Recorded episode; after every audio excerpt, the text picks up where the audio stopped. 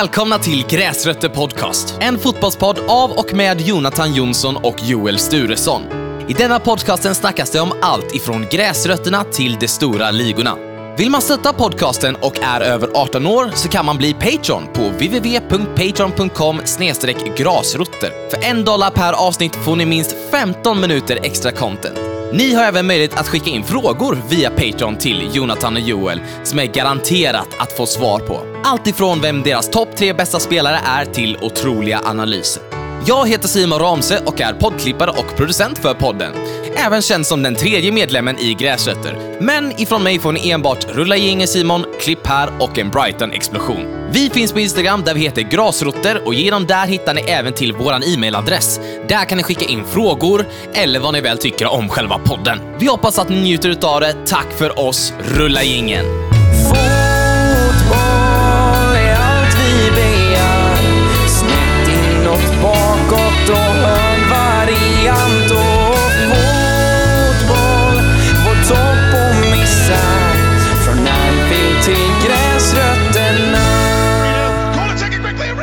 Bra, då ska ni vara hjärtligt välkomna tillbaka till en eh, ny vecka och alldeles, alldeles strax, det vill säga en vecka, så är vi tillbaka i den vanliga rytmen igen. Ja, lite så. Det är ju Ehm. mycket både jul och nyår och sånt där. Och Ja, och det jag har varit sjuk och lite sånt också. där och. VM och allting. Så att Ja, vi är snart mycket. tillbaka i, i rutinerna och allt sånt där. Men det, det jag vill mena på är lite sådär att, ja men...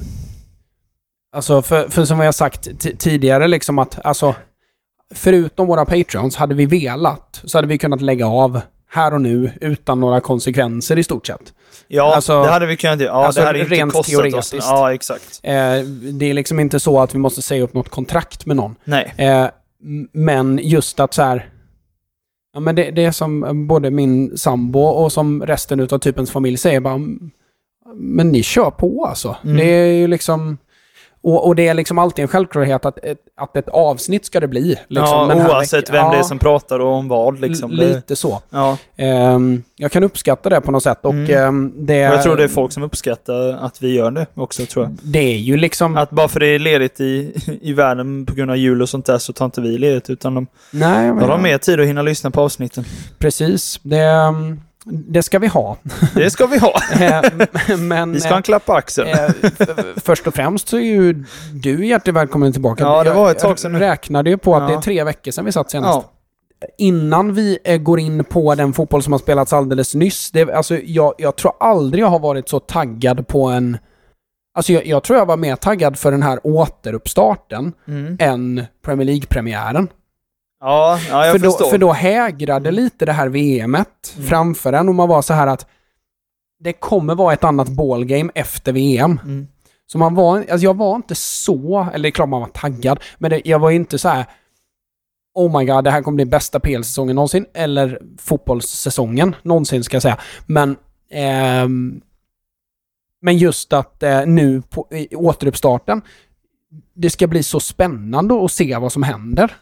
Alltså hur fram- stor effekt har VM? Exakt, och, det är också det jag tänker. Det känns som säsongen börjar om lite på ett sätt för att det här kan ju också göra till exempel att de lagen som ligger de nedre liksom, eh, tabellplaceringar kommer kanske, kanske ha en fördel av att de kanske knappt haft någon spelare som ens varit iväg i VM. Precis. Eh, och, Eller tvärtom. De har, Eller inte, de tvärt- har inte spelat matcher på en nej, månad. det är också, några har kört träningsmatcher men det är inte riktigt samma sak. Nej. Eh, Och det är inte Så- samma nivå Så på det, för de bästa riktigt är ju borta. Nej, men exakt. Och sen så en del blir ju lite avbräck. Jag menar, vi har två brasseforwards som är skadade i både Arsenal och eh, Mm, ja. Tottenham till exempel. Alltså, en del drabbas ju negativt av det sätt, på det sättet av VM. Så att det blir ju verkligen värdemätare vilka som har... Som igår, eh, när jag kollade på City. Mm. De eh, roterade ju lite och det, det visar ju också mycket som till med breda trupper, framförallt Mm. bland de större lagen som har haft många spelare i VM. Att de klarar att leverera fastän de kanske har folk som fortfarande är på semester eller behöver liksom i alla fall återhämta sig sen VM. Vi har ju missat lite, vi, vi har ju fått kritik för att vi har pratat så lite Arsenal. Ja, Men idag måste vi prata Arsenal. det måste vi göra. Helvete Ja. alltså. Det börjar bli De eh, läskigt. saknar inte Jesus kan jag ju säga om det. Det var man lite orolig för när Ja. man hörde att han var skadad. Men Det just, kändes inte så i den matchen i alla fall. Nu. Nej, Enketia var ju... Enketia var riktigt bra, men det, hela laget är så... Alltså det är verkligen ett lag. De, eh, Ja. Det märks verkligen att de... Vi håller på den karamellen lite, Ja. så, så ska vi ta det lite kronologiskt. Men eh, eftersom att du missade hela sluttampen, på, eller du såg ju sluttampen Mm. på VM, men du har inte kunnat prata om det. Eh, hur sammanfattar du den VM-final eh, som... Ja, en emotionell berg och dalbana kan man väl säga. Det kändes ju som ni pratade om när ni sammanfattade i liven på Instagram. Det var verkligen så. det måste vi göra om för övrigt. Alltså det Ja. är typ det roligaste jag har Ja, haft men det, det, det kommer vi göra fler gånger. Vi gör det när det är någon av de här stormatcherna, Ja. typ City-Liverpool eller något sånt där. Eller Definitivt. City United senare i vår. Eh, men det kändes ju verkligen som att Argentina var det bättre laget, det hungrigare laget. Frankrike tycker jag första halvlek kändes inte ens intresserade på något sätt. Det, känd, det var så konstigt att se dem så icke-aggressiva och icke-intresserade. Alltså i vad jag förväntar mig att de ska göra i en VM-final. Mm. Jag förstår att man kan vara nervös och bli lite passiv och lite så här. Men de kändes, alltså Argentina känns ju taggade. Och fransmännen känns mer nervösa och lite mer så här, ja. Och framförallt så, jag tycker att den första halvleken blir ju effekten utav ett lag som, för, för som sagt, för det nakna ögat, de ser ju verkligen inte intresserade ut i den första Nej. halvleken. Och mycket av det har, det är ju effekten för mig eh, utav vad som händer när ett lag med en passiv och defensiv approach, Mm. som också är, framförallt med truppen som Frankrike hade till slut, så blir det är ju deras, förutom Mbappé, eh, största styrka. Mm. Alltså just att de är så solida. Alltså de, de, de tråkade ju ut England liksom. Mm, exakt. Det var ju typ det som hände. Mm. Det är det de gör. Eh, ja, men lite så.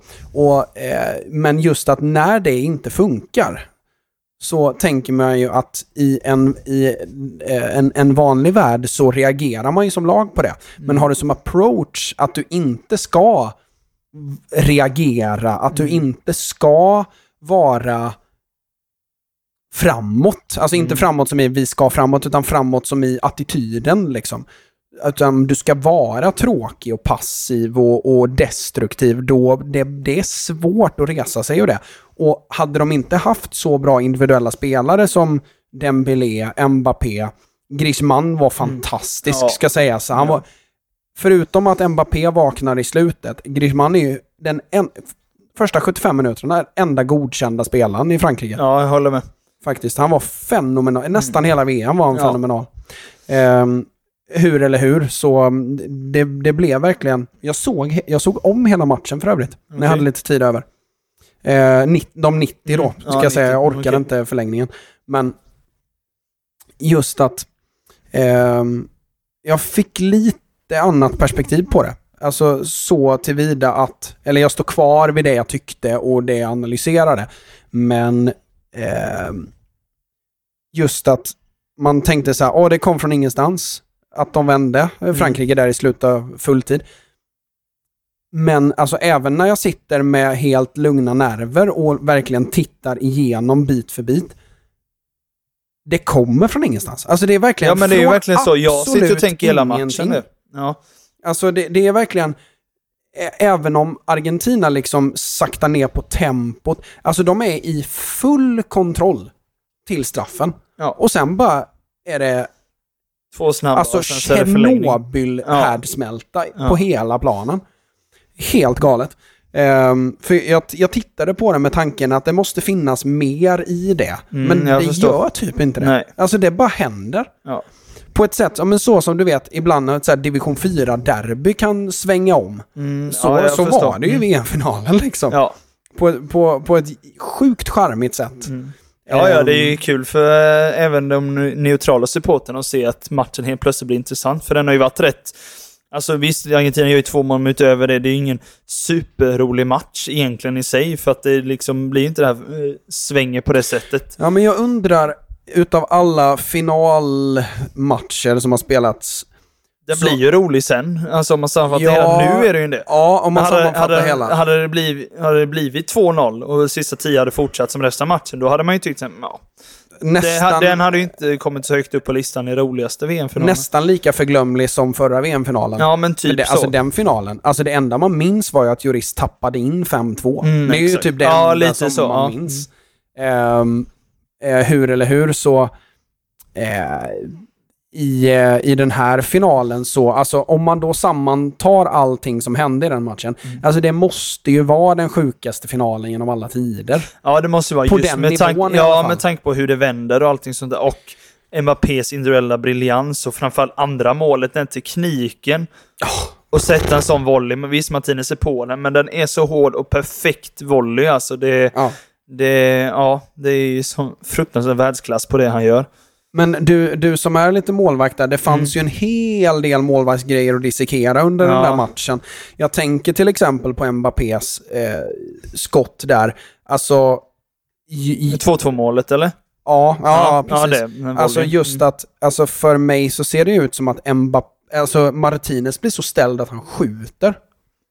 Ja, det är nog inte omöjligt. Jag, att- jag har inte kollat så noga Nej men för, för på Martinez, hur han ja, men jag reagerar. tittade på men- det, för Martinez, han, han använder ju ganska lite utav den här klassiska målvakts, eh, men alltså studset. Ja, gör lite ett hopp precis ja, innan. Mm. Det, det använder han ju inte så mycket, utan han använder ju mycket mer eh, den moderna, eh, alltså David de Gea-tekniken, att man s- liksom trippar. Mm, det gör ju Ramsdale också, ja, vet jag. precis. Och, och jag måste säga att Och det är jag, en bättre teknik skulle jag säga. Ja, jag vet jag att jag av ibland gör lite både och. Ja, det är klart Men man det- måste blanda, men... det blir eh, ju så, men jag har märkt på alla världsmålvakter att det är många som gör hoppen, men det är många mål som går in tack vare att de gör hoppet.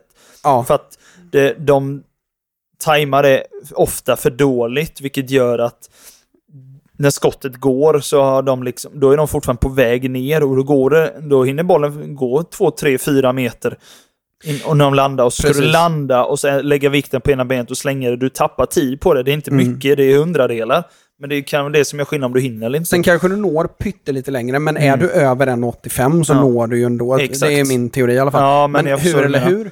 Men i den situationen, Martinez trippar ju inte där. Han hoppar Nej. ju. Ja. Och det känns, alltså på hans blick så är det så här, jävlar, ja. vad fan. Ja, jag Skulle tror inte han är helt hundra på att han ska skjuta, för det är ju inte... Alltså, han har ju lätt kunnat ta med sig den och verkligen Han har ha ju kunnat ha tre touch. Ja, lite så. Men han, han lyckas ändå fortfarande med Polen, så jag är ändå så här... Hade han vatt mer med på det så tror jag nog inte han hade kunnat hålla den, för det är så tryck i skottet. Ja, ja, så jag tror det hade varit mål nästan oavsett. Men, eh, det är jag förstår vad du menar, men jag tror Martinez inte hade löst det oavsett han gjort nästan. Men vi gjorde ju en del Tottenham-supportrar upprörda i alla fall. För Mm. eh, jag och Theo satt ju och raljerade om hur dålig straffmålvakt Jorisse. Ja. Eh, och både i Ja, liven... Just det, så var det någon som, någon som la upp att de hade sett en jurist. Någon. Jag tror vi har 30 Ja, okej. DMs. ja, men jag har bara sett en. bara det. Ja, jag såg det var någon som Eh, skickade, för jag har inte läst alla. Men... Och det var någon som mejlade, det är, nä- det är nästan så vi får lägga ut det, men det var någon som mejlade in alltså en compilation. Han har Ja. gjort en compilation själv på Juris det alla är klart att det, han har räddat straffar precis som alla andra målvakter. Men Statistiskt är han ju näst sämst i hela... Eh, eh, han är ju PL. inte känd i alla fall för att vara en målvakt som räddar mycket straffar. Så kan man säga. Sen så är han kanske inte, släpper han ju inte in varenda straff. Nej. Men det känns ju ändå som att man får ha lite överseende med när man alltså, pratar med målet så att... Men det, det är också så här, väldigt, väldigt sällan backar jag ju upp mina argument med statistik. Ja. Eftersom att, alltså för mig, framförallt i fotboll, det går att överföra på andra grejer också, men i fotboll framförallt, alltså statistik Mm. kan, alltså det säger någonting, men det kan ju också vinklas nästan hur du vill. Såklart. Alltså så här, ja men eh, typ, ja men som, jag var inne och tittade på Premier League-appen. Mm. Den, den har ju rätt ingående statistik även genom tiderna. Ja. Så de har ju liksom så här flest inlägg i Premier Leagues historia. ja. Eh, och sådär.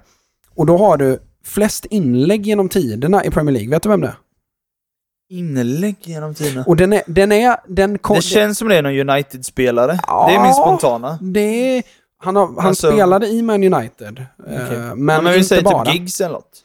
Ja, men det är inte dumt. Han är där uppe någonstans Mm. också. Jag tror han var tre eller fyra. Ja, okej. Men det är en liten curveball, men när man får tänka på det så, ja det är klart. Ashley Young. Ja, ja, ja. Och nu när han har varit i Villa en ny, alltså Precis. kommer tillbaka igen och så här, det är klart. Så Ja. det, det makear ju sens Ja, det liksom. det faktiskt. Eh, Mm. Men ändå lite oväntat. Mm. Det är samma sak som ehm, att Ben Foster har gjort inte bara flest räddningar i PL-historia, överlägset flest räddningar. Men han, har leder med typ... mm, Ja, rätt han- mycket mer. Han har men varit den i Championship också. Ja, ja, ja. Liksom. ja såklart. men, Brom där. ehm, men just att eh, det säger rätt mycket om eh, att... Alltså när folk pekar på... Jag tycker på riktigt så här, att efter att han la av. Mhm. Det kändes det som att folk forts... Alltså folk trodde att han skulle annonsera att han skulle gå till en ny klubb. Mm. Sen bestämde han sig för att lägga av. Ja, precis. Ehm, och efter det, det känns som att folk, eftersom att han annonserade, det kändes lite som att han annonserade att han skulle sluta efter att han märkte att det inte kom några bra bud. Mm, ja, Är du med på vad jag menar? Som sagt, jag har lyssnat på hans podd till och från och det, det kändes lite så som att han... Han pratade ju om att det var andra Premier League-klubbar som var intresserade, även Championship, även MLS och sånt där. Men tyckte väl kanske inte då att buden var tillräckligt, det sa han inte riktigt. Ja, men, eller, eller, ja men, men alltså så jag oavsett tror hur det var. intresse fanns, men jag Ja, tror men att tror han jag tyckte att det var för dåliga kontrakt kanske. Men jag tror att den generella uppfattningen blev ju just så att det känns som att han har väntat på ett bra bud och inte fick det och då bara, "Nej, för han vill av." ju spela känns det ju som. Att han är egent... Mm. Alltså egentligen, egentligen. Ja, han, ville. Jag tror inte han kände sig döfärdig. Nej, det Så. tror jag inte. Men eh, hu- hur som haver, eh, han har ju rätt mycket för sig jämfört med många andra som slutar. Ja, han har jättemycket annat. Ehm, cyklar och, och Ja. eh, s- eh, springer långdistans och Exakt. ehm, eh, poddar och är ju med i studios och grejer. Mm. Hur eller hur. Han... ehm, alltså den generella uppfattningen eh, kring Ben Foster, eh, framförallt i England, är ju att ja, men det, det var en, en rätt så dålig målvakt. Förutom West Bromwich-fans Mm. som älskar honom över allt annat. Det är ju nackdel för honom just i alla fall i Premier League, tänker jag. Jag ser honom som en målvakt som slåss om, eh, med sin klubb att hålla sig kvar i Premier League. Mm. Det brukar ju oftast vara lag som har sämre försvar, vilket Mm. gör att han får göra fler räddningar. Så statistiken är ganska logisk Ja, men det- det, det är det, han absolut. som får det. Men just jag stör mig lite på att uppfattningen om honom är att han inte är en bra målvakt. Jag Alltså, tycker han var en väldigt bra målvakt, för sin, framförallt för sin ålder sista åren så var, tycker jag han var väldigt bra. Ja, men förra säsongen, det är så många gånger som... Alltså, enda gångerna vi nämnde Watford, det var ju när Ben Foster hade räddat poäng åt dem. Mm. Alltså, är, han gör ju var ju flera typ matcher, framförallt i mitten av säsongen där, när han är helt outstanding i vissa matcher. Som, vad är han, 39 eller någonting? Ja, något, något sånt. sånt. Han är ju nä- nära 40 nu i alla fall. Ja. Det är ju liksom... Ja, jag, jag, jag kan störa mig lite på det. Ja, jag förstår. Ehm, men... Men, som eh, sagt, det är nog bara för att han har, vissa har ju tillhört United, men han har ju ändå varit bland liksom Watford och West Brom och sånt där. Alltså lag som rankas lite sämre. Mm, Det absolut. kan ju hända att statusen hänger med i det. 100 procent. Eh, och vi har ju en massa matcher att prata om. Däremot, så eftersom att det har varit ett VM, Mm. så har vi ju under eh, tiden inte dragit några gräsrötter-stories. Och vi Nej. har en som jag tycker vi ska nämna. Jag Ja. tror inte vi hinner med mer än en. Nej, men ta det. Eh, men jag tar den. Eh, jag ska för övrigt tacka han som skickade compilationen, Hugo. Eh, stort tack för att du skickade den compilationen. det, det ska du ha stort tack för. Jag tittar igenom hela. fritid på det, tycker jag. Ehm, Det är bra. men eh, vi ska ta en gräsrötter-story också. Eh, så rulla gingen för gräsrötter. Det var länge sedan Simon. Varsågod. Think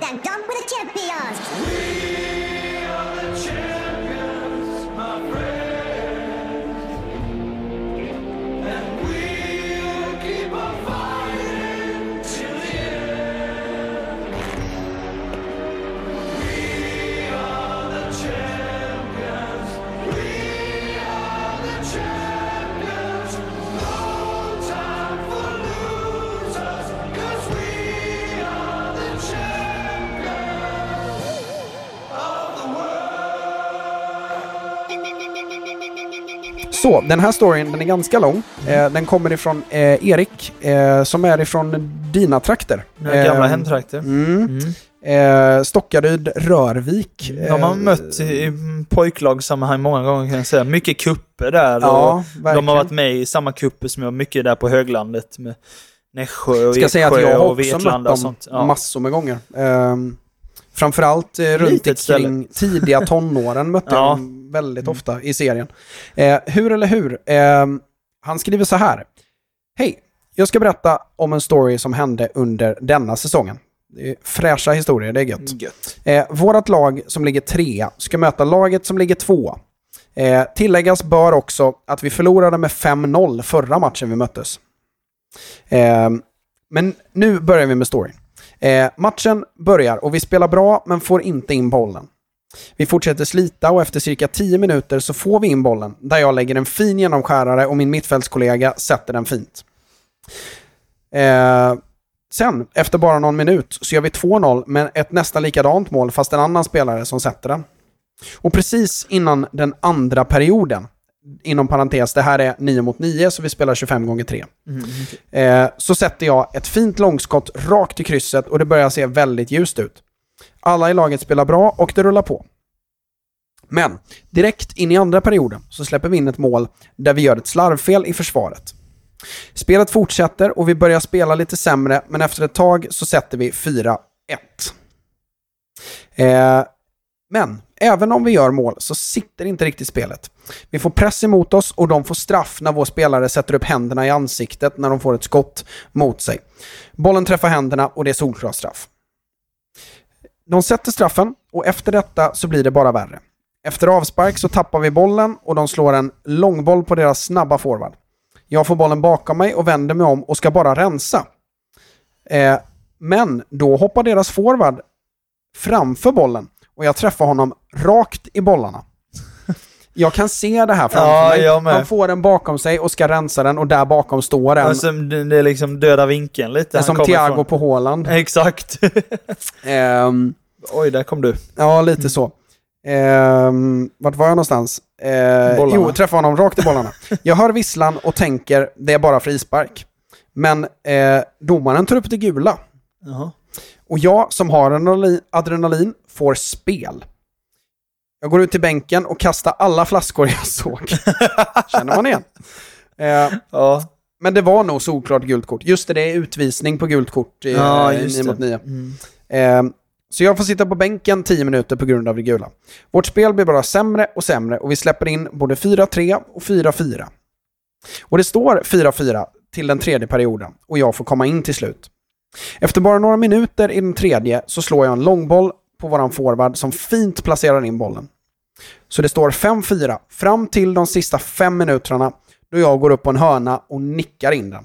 6-4 eh, står det. Eh, förvisso släpper vi in ett mål till, men vi vinner ändå till slut. Usch. Han, eh, Erik alltså, är ju verkligen center of attention. Ja, det är det två, ju. två assist i första Och två perioden. mål sen. Och två mål. Mm. Det är, Det är skapligt. skapligt. Mm. Ehm, nej, tre assist. Två, i, två assist i första perioden, en assist när han kommer in där och sen Ja, just det. 6-4 Till på han 5-4. nickar. Ja, just det. Ja, Tre mål och två assist. Det är, Det är bra. Det Han berömmar involverar vi nästan alla målen ju. Ja, det är bara Ja. att han inte Ja, är involverad. i. Mm, det är Ja, bra. Det är bra jobbat. Mm, det är det. Eh, så den tar vi med oss. Tusen tack Erik. Och han eh, skrev då eh, som ett PS. Mm. Eh, måste lägga till att jag spelar i Stockaryd Rörvik och det är Ja. kanske ett lag som Joel känner igen eftersom att Ja. han har spelat i Sävsjö FF. Mm. Fan vad de har koll på Ja. våra career Men jag paths. vet inte om jag har berättat det eller om de bara googlat upp det. Men det... Ja men alltså eh, oavsett. För min moderklubb är Sävsjö FF, så Ja. att jag spelar ju där alla under, under men alla o- oavsett om junioråren. du har berättat det eller om de har googlat det. Det Ja. är ju Ja, det är bra snyggt att ha det i ja, huvudet. jajamän, det är bra. Ehm, så det, det ska ni ha tack för. Och som sagt, fortsätt skicka in era stories. För kommer den bra så tar vi upp den. Ja. Eh, vi har ju gått igenom ett gäng nu. Jag räknar ihop det till nästan 30 snart. Ja, det är Eh, kul. Så det är, det är sjukt roligt. Eh, så fortsätt skicka in dem. Har ni andra frågor, mejla in dem givetvis. Eh, men eh, nu ska vi röra oss in emot eh, det som eh, vi har väntat på så länge. Och det är ju återuppstarten av de europeiska högsta ligorna. Och vi Yes ska landa i Premier League. Vi ska börja på Boxing Day och eh, det är dags för Premier League Matchday 17 att recensera. Rulla jingeln Simon.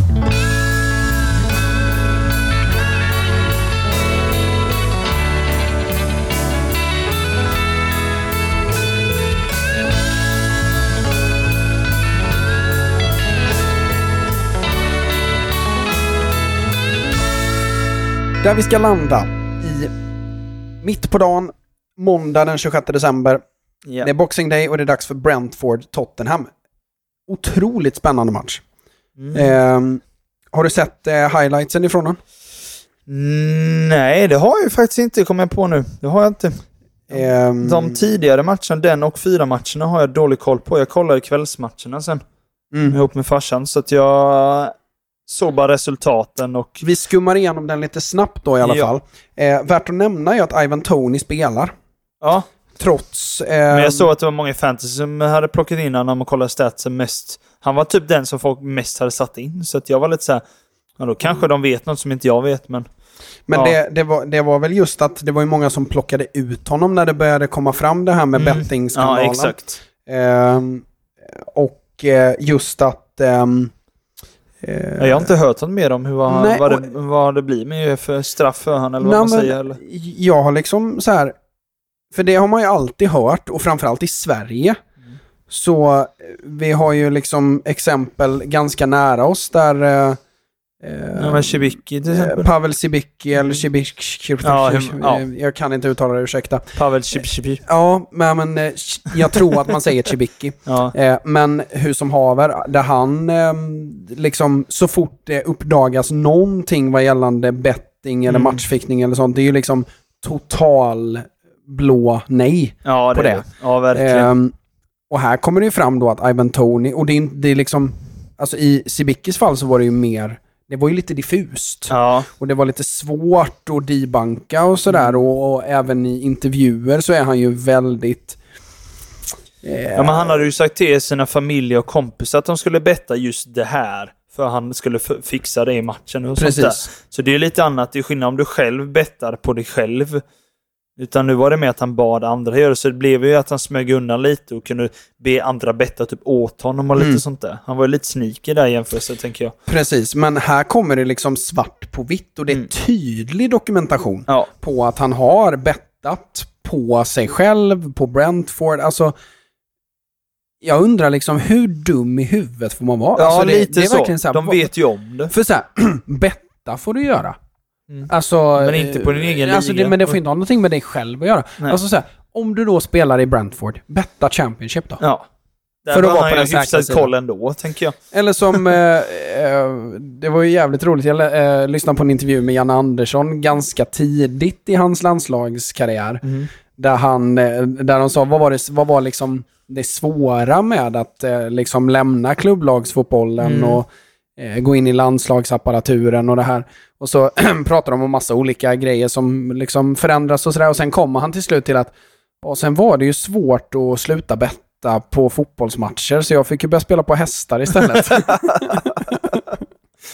det kan man ju Ja, också göra. Ja. De har ju de här, ehm, eh, vad är det det heter, Birmingham Derby och de här eh, täv- hästtävlingarna. Så det, det, kan, det, Ja. det kunde väl ha gett sig in i, fine Ivan.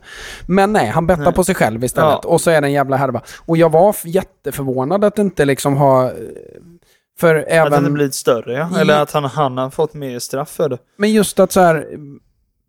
I andra fall, Mm. om, eh, till, ta Mason Greenwood-fallet, Mm. där han inte ens är dömd. Mm. Det var ju liksom på dagen, tack och hej liksom.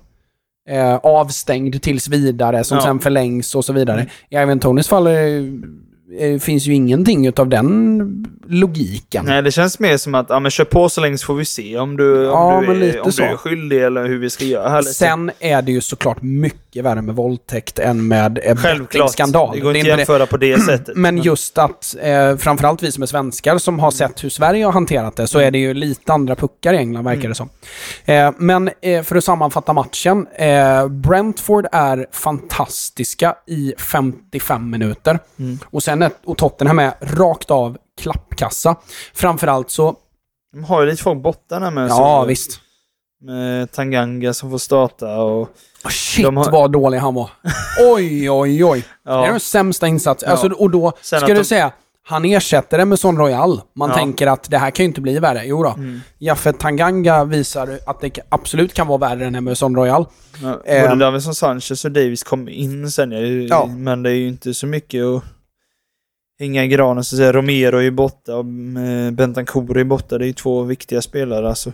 Framförallt så dödar ju Brentford... ehm, de dödar dem ju genom sitt centrala övertag. Mm. Och det, alltså jag är verkligen förvånad att, alltså, för det som, det som Tottenham har det är att de, de spelar ju alltid med två centrala fältare, Ja, oavsett. Ehm, för de vill ha den här fronttrean ju. de vill ha den här fronttrean och, då, och, och ehm, Conte eh, är fast besluten att spela treback eller Mm. femback. Och det är ju en princip som funkar när man har en fronttrea som stavas Kulusevski, Kane, Son. Mm. Ehm, för att den är så vass att de flesta lagen vågar inte släppa dem. Nej. De vågar aldrig, alltså det är många, de flesta lag vågar inte ens vara tre mot tre, utan de vill Nej. spela fyra mot tre eller fem mot tre. Som gör att Tottenham kan vara övertaliga centralt för att motståndarlagen måste droppa bakom dem. Eller framför dem ska jag säga. Ehm, men Brentford är så jäkla kaxiga i den här matchen. De spelar man-man på Kulusevski, Kane och Son. Och så spelar de eh, tre mot två centralt. Och alltså, Kane drar ju inte bollen första halvleken. Det är inte ofta, för, Nej. för det som är grejen med Kane, och det ska, det ska verkligen Thomas Frank ha till sin heder, att alltså Brentford är så... De pressar Tottenham som att Kane, Son, Kulusevski inte finns. Det, och det, det funkar fantastiskt bra. Det Framförallt, känns som de löser det många matcher, Brentford. De brukar... de är ju känns bra mot de bästa lagen. Ja, men det känns lite så att de är inte så oroliga för de bästa lagen, utan de bara kör på sitt och liksom och löser det också, vinner liksom individuella, alltså en mot en fighten eller vad man säger. framförallt var jag imponerad av Rico Henry. Som, alltså för jag, jag måste säga att alltså, utav alla spelarna i Tottenham, Kulusevski är ju den som absolut visar mest initiativ och energi och, och eh, liksom intuition. Liksom. Eh, men eh, Rico Henry håller jämna steg med Kulusevski. Alltså. Det är en riktigt tuff kamp första ja, men 50-55 minuterna någonstans. Ehm, och eh, liksom trean med Mio, Pinnock och Jörgensen gör det fantastiskt bra också. Men, ehm, ja, men de, de, pressar dit Tottenham i hela första halvlek. Så alltså, Tottenham löser ju ingenting. De skapar några få fasta. Ehm, det är det liksom. Och mm, sen orkar inte riktigt Brentford. Plus då att ehm, de börjar eh, i den andra halvleken framförallt. Så gör ju Ivan Tony i den 54 någonstans Mm. där, gör han ehm, eh, 2-0. eh, 2-0 ja.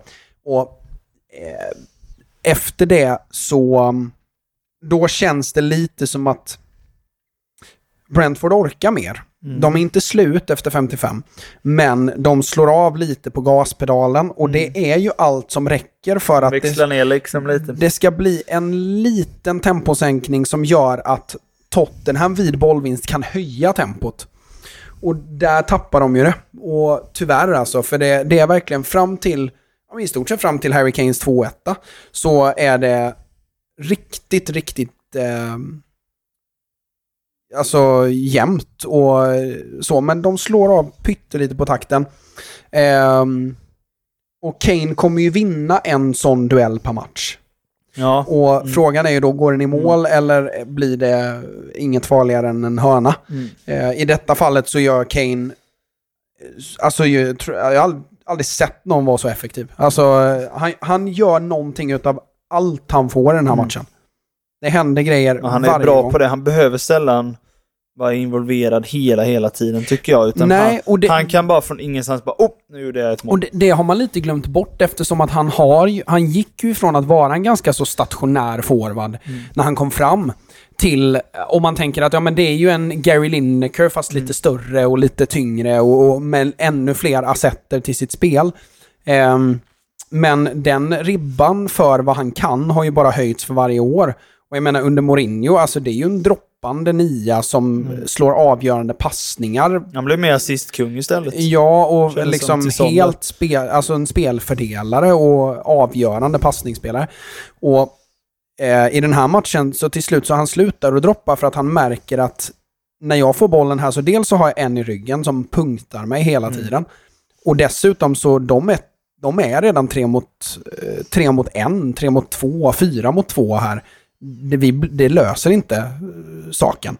Eh, och då stannar han högre upp istället och skapar en rätt stor yta för Son och Kulusevski att komma ner lite i. Eller då en central mittfältare när Bizuma lyckas dra loss bollen och ta en liten bolltransport därigenom. Ja, Då ja, börjar det hända grejer.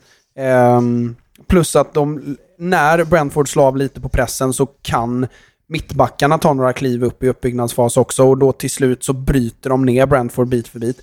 Men alltså, det är inte Tottenham som tar igen, det är Brentford som sätter käppar i hjulen för sig själva. Ja, slå på takten lite Ja. för mycket typ. Precis. Mm, okej. Eh, Man tänker, ja men det är ändå på något sätt, de beter ju sig som ett lag som ligger femma eller fyra. ja, Liksom. ja, ja, de brukar göra det. För det är ju inte ovanligt för ett... Alltså, säg att City hade gjort 2-0 i 54 Mm. Så hade de gjort så som Brentford gjorde. Mm. Eh, och jag tycker det är kaxigt liksom. Att eh, de, är ju inte ett topplag klientelmässigt. Nej, det är de Det verkligen är liksom, du ska inte vinna Premier League med Pinnock, Jörgensen och Mi. inte. Nej, inte riktigt så. Det är som, nej, de det gör är det liksom riktigt, halva riktigt danska landslaget som ska vinna Premier Ja, League. men det är ju, det är ju verkligen Norden det FC. är Norden FC är det. På något sätt. Rätt det, kul ändå att de får fram det ur alla Ja, men visst. här. och de har ju Damsgård på bänken och Mm. eh, Pontus, Pontus Jansson. Jansson eh, är tillbaka nu. Saman Ghoddos, Ja. eh, ska ju sägas också. Fick ju hoppa in också. Gjorde det faktiskt rätt Ja. bra när han kom in. Eh, men fick inte ut så mycket av det. Nej. Men hur som haver, vi rör oss vidare och Ja. ehm, den andra matchen, dels är det ju värt att nämna att eh, eh, vad heter det? Eh, Wolves. Eh, Mm, det såg jag. de vann en det match. såg highlights. Det var kul Ja. att se. Ehm, Pissmål de gjorde om man får uttrycka det ja, så. verkligen. Jag såg eh, slutet. Att, Men inte, det- att det- inte Everton får bort den bollen. Ja. Alltså jag blir så här, som målvakt, alltså som Pickford, jag blivit skogstokig. Ja, det blev han ju med. släpper Ja, och det förstår jag. För det är ett skitmål de släpper in alltså. Verkligen. Så att jag tycker lite synd om Everton. Men jag, har, jag är ju inget fan av Everton verkligen. För jag tycker Nej. inte de, de känns så uddlösa hela tiden. Ja. Jag är lite såhär, vem ska vinna deras matcher? Jag menar Jeremina i mål, ska han ta upp, se till så de håller sig kvar eller vad? No. Alltså jag ser inte och det, Anthony Gordon kan ju inte bära Everton. Det är han ju inte redo för än. Vet du vad jag tycker är sämst med Everton? Nej. Det är kemin emellan spelarna. Ja, alltså, typ ja. så här, framförallt, eh, jag satt och tittade i, ehm, ja den står ju där i bokhyllan, men Mm. eh, när, när pappa gjorde sina tränarutbildningar, så är, de är ju lite äldre. Så jag tror att han gick 2010 någonstans. Mm. Eh, så den här, den tränarutbildningen, den permen är ganska så brittinfluerad. Och då pratar man ju mycket om 4-4-2 och 3-5-2 framförallt. Mm. Och du pratar om, kanske framförallt, eh, så, så finns det en tabell, eller vad man ska säga. Eller du, du har en uppställning på 4-4-2. Och så ett exempel på hur man bör tänka i en 4-4-2 med vilka spelare du sätter vart. Mm. Så då, ska du, och så då har de så här eh, offensiv kvalitet, defensiv kvalitet. 60% defensiv, 40% offensiv. Mm. Så då ska, då ska du liksom ha en 70-30 eh, mittback och en 30-70 mittback. Mm. Och så vidare. Ja, Alltså, ja, sådär. förstår. Alltså, kemin i det laget, om man ska titta på den tabellen, Mm. är ju katastrof. Alltså det, det är verkligen så här, ja men ta typ Pickford i mål då. Mm.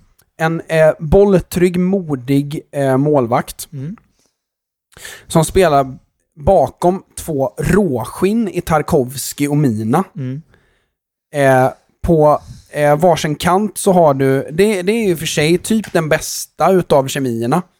För då har du Mykolenko och Patterson och de komple- kompletterar varandra ganska bra.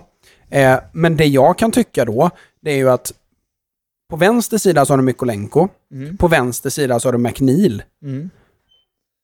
Då är det, alltså, de kommer ju ta upp varandra hela tiden. Jag hade hellre sett Mykolenko lite längre ut och Gordon, eller eh, My- Mykolenko till vänster och Gordon till vänster. Eh, till exempel. För det, jag tror det hade gett ut en bättre dynamik där, Ja, okej. Mm. där igenom. Sen har du ett mittfält med Gay, Onana och Iwobi. Alltså förutom att Iwobi har varit väldigt bra, Mm. kemin de sinsemellan är också sådär... Hur tänk... Hur, alltså, vad, vad, är det, vad är det för fotboll de här vill spela? Mm. Även om du inte har sett Everton spela. Så titta på den truppen och bara... Titta på den här formen, det är en 4-2-3-1 typ. Mm. Vad vill de få ut här liksom? Ja, jag förstår. Alltså, Nej, det, det är lite oklart är det. Jag tänker ju Och så att ändå Mopé är då, men det är inte Mopés. Nana är lite sittande och Awobi har väl lite friare roll eller vad man säger. Men ja men lite- precis. Men, men, men, även, även utanför det så här, är det ett lag som vill spela direkt kontringsfotboll? Ja, Nej. in, inte inte... Gordon är den här djupledslöparen tycker jag i det laget. Ja, men precis. McNeil är ju väldigt bollkär. Ja. Även om han inte är en dribbler så... eh, han behöver ju tid på sig Ja. och, och, och liksom... Framförallt när han inte får spela... Nu spelar han ju så offensivt med McNeil. Jag trodde att hans karriär skulle gå åt andra hållet. Mm. Ja, att eh, vet, han skulle eh, bli en, någon form av wingback. Och jag tror fortfarande att han är ganska lätt kunna bli det i en toppklubb. Killen är ju lika gammal som jag Mm. Ja. liksom. För så pass bra defensivt är han ju. Mm. Nej, jag, jag, jag, jag blir inte klok på Everton. Och det, det straffar sig ju till slut i att säga vad man vill om Wolves, men tydliga är de ju. Sen, att de inte, sen är de ju inte vassa ehm, framåt. Framförallt så, alltså den enda som ser ut att kunna såra offensivt, det är ju Podens. Costa är ju inte vad han en gång var. Nej, verkligen inte. Eh, Wang Hee-chan är ju liksom ingenting av det han var förra säsongen som en supersub. Mm. Och en, eh, alltså, avgörande sådan också. Eh, Han gjorde en hel del mål ett tag. Ja, verkligen. Och Guede som startade så energiskt och fint har ju mattats av något rejält. Ait Nouri får aldrig chansen och nu fick han komma in och göra mål. Ja. Ehm, så det säger väl någonting om ja. någonting. Nej, men båda lagen känns som att... Ja, jag vet inte vad man har dem riktigt. Jag menar, Wolves fick en ny tränare nu så jag förstår att man är lite taggad, men det... Ja, precis. Nej, jag vet inte. Det känns som två lag som kommer ligga där nere resten av säsongen. Det är spännande att de inte plockar in en portugisisk tränare. Nu är det Ja, Steve faktiskt. Davis. Mm. Ehm, faktiskt. Kanske behöver göra om lite. Ja, Kanske in, insett att det inte går att bara köra portugiser. ja, precis. Eh, men vi rör oss vidare lite snabbt ifrån den och, Yes. och, och tar oss till Leicester Newcastle. Som är... Det är den matchen där Newcastle har sett ut som ett titelvinnande lag. Ja, det gör de. Alltså det, det ser ut som ett lag som har vunnit ligan Mm. och som ska spela av sista två matcherna. Mm. Det känns som att i den här matchen, om man ser på hur matchen gick till, eller hur matchen gick, så känns det som att Leicester har fått göra, du vet den här, när, när, det, när laget redan är klara ligavinnare. Mm, det här walk of... Ja. eh, ja. Eh, vad heter det ens? Walk of Fame eller vad? Walk of Honor? ja. Någonting sånt. Något Ni fattar sånt vad vi. Ja. menar.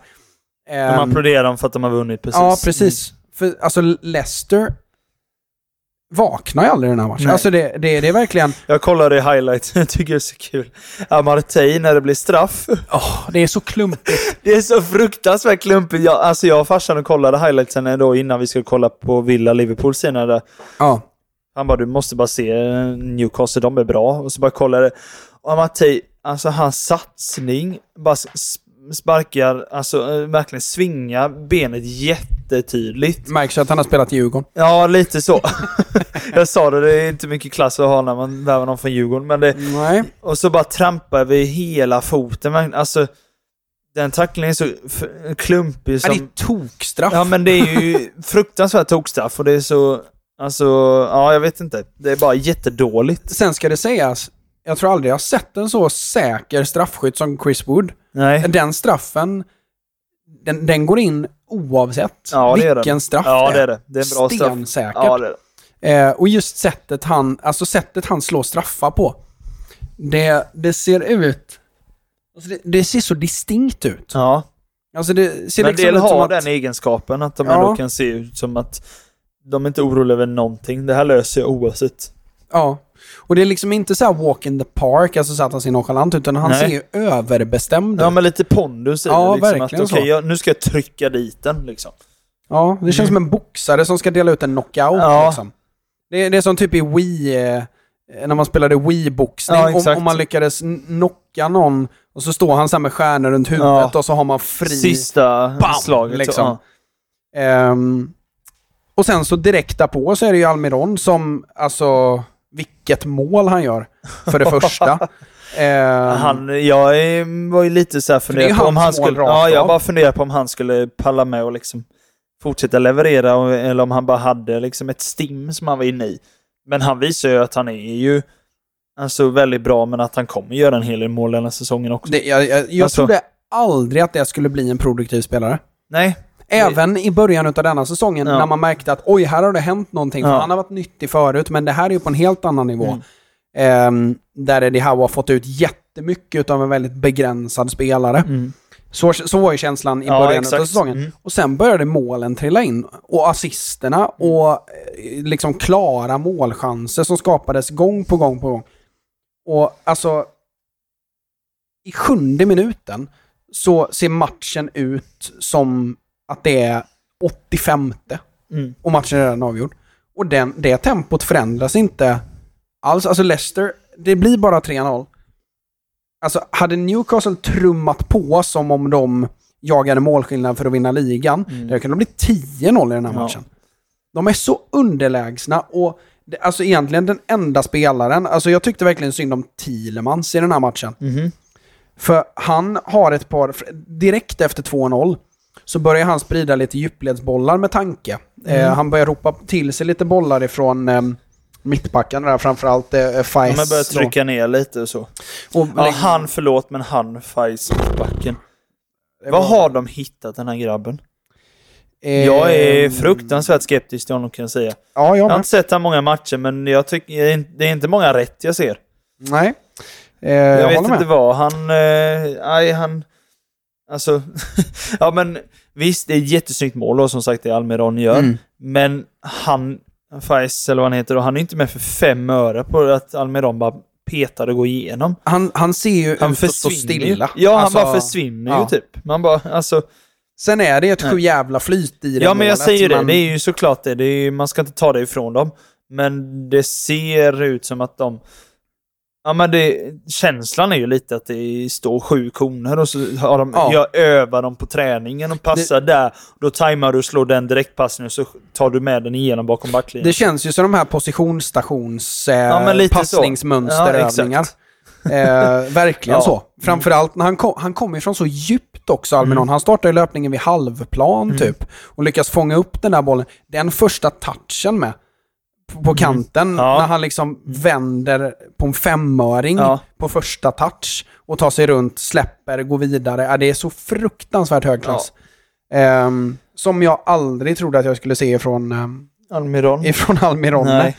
Ehm, men, Men, ehm, men de, alltså Leicester, jag tror nästan de kommer hamna på nedflyttning alltså.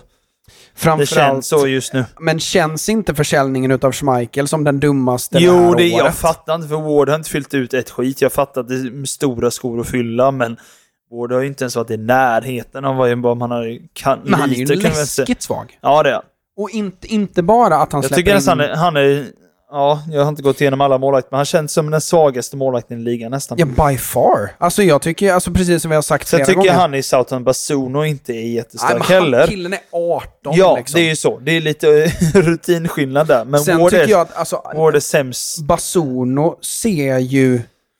Alltså han, han har ju haft sina fel, han har gjort en del tavlor i år. Mm. Men framförallt så har han ju, alltså för mig så har han ju en pondus och en beslutsamhet Ja. som eh, skriker eh, lovande. Ja, Alltså för Jo, men jag tror verkligen ju. att det kan bli en riktigt bra målvakt. Li- Finslip honom lite så kan han bli bra. Sen har de ju Mark Travers i Bournemouth med. Visst, han är inte heller jättevass, men, ja, men jag men Ward har haft... Ward ser ut att, han, alltså han den var här sämsta målvakten den här hösten. det ser ut som att han har gett upp. Ja. Alltså, för, alltså killen är ändå 29, Mm. Landskamper, Mm. rejält med Ja. sådana, även om Hennessy har varit första val oftast. Mm. Han har en hel del landskamper på sitt CV. Varit i bra lag och spelat i viktiga matcher. Som sagt, 29 år gammal, varit i gamet länge, spelat i Premier League jävligt länge. Och ser... Alltså, när han släpper in det 2-0 målet, eller nästan 3-0 är nästan ett Mm. Ja. ännu bättre exempel. Han ser ju helt uppgiven ut. Alltså, han Mm. förs- det, det ser verkligen inte ut som att han försöker Nej. överhuvudtaget. Och alltså, jag säger inte att han ska ta något av de här målen. Nej. Men bara sättet han Det är genomför det, på. kroppsspråket liksom Ja. och sånt där som... Ja. Jag blir sjukt Nej, jag eh, tror det, irriterad av sånt Jag tror de har det jobbigt där hemma i Leicester. Det är lite som, eh, det var väl David de Gea som sa det i någon intervju, det här, han hade ju en målvakt, i- eh, målvaktstränare i Atletico, som jag inte minns namnet på, som sa sådär att, alltså grundregeln i att vara målvakt, så länge du försöker på alla skott Mm. så kommer jag aldrig att vara arg på dig. Nej, exakt. Jag kommer att eh, eh, prata med dig, Mm. att finslipa saker, vi kommer att gå igenom saker Mm. eh, teoretiskt. Jag kommer aldrig att skälla ut dig om, du- om du har försökt. Nej. Eh, och lite så, jag tycker det är en bra Jag håller med. tumregel. Det är ju som man ska alltid, det är som farsan säger till mig också. Gå på alla bollar. Ja. Det brukar han alltid säga till mig. Det har han gjort i alla år. Gå på alla bollar. Du, du vet inte om du räddar den eller inte. Det får, går den in så går den in, men då har du i alla fall... Ja. ja, men verkligen så. Eh, och det tycker jag har blivit bättre också. Det var Mm. Ja. ett tag där när jag var lite yngre, men när vi var typ så här 12-13, Mm. där det var rätt mycket, rätt många målvakter som, in, som typ på frisparkar och sånt, som bara står. Ja, Det Mm. ser du nästan inte längre. Nej, Ehm, men du tjuvar dem istället. ja, Nästan. I, ja, I murens hörn eller vad man säger. Men, precis. Ehm, men eh, hur som haver. ja. eh, Newcastle kommer ligga där uppe när säsongen är slut tror jag med. De kommer, jag tror de kommer topp fyra. Det Ja. tror jag de löser. det, fin- det finns eh, några... Det är om de skulle få någon mer liksom, skada. Alltså så. Jag så undrar någon- ju om Isak går in och startar igen. Mm. Jag är inte säker. De har, ju de har ju verkligen, som vi pratade om, vet jag, en, en av de sista avsnitten eh, innan, vi- jul, att de har verkligen tre olika forwards nu. Mm. Så de, den bredden kommer ju hjälpa dem mycket, tror jag. Mm, Det är ju också att... Det, det är Jag tre... menar, får de en, en långtidsskada på en Trippier till exempel, det kan vara jobbigt. Tänker jag. Trippier tycker jag, om, om jag ska sticka ut hakan här, ligans bästa högerback i år, by far. Ja, det är han. Alltså det, det är inte en sån här... Och det är så jävla snyggt med. Och jag tycker att... Alltså, det här ska verkligen Eddie Howe, om vi då ska prata om balans. Mm. Han vet att, dels så ska jag säga att Trippier defensivt har det hänt någonting med sen Atletico. Mm.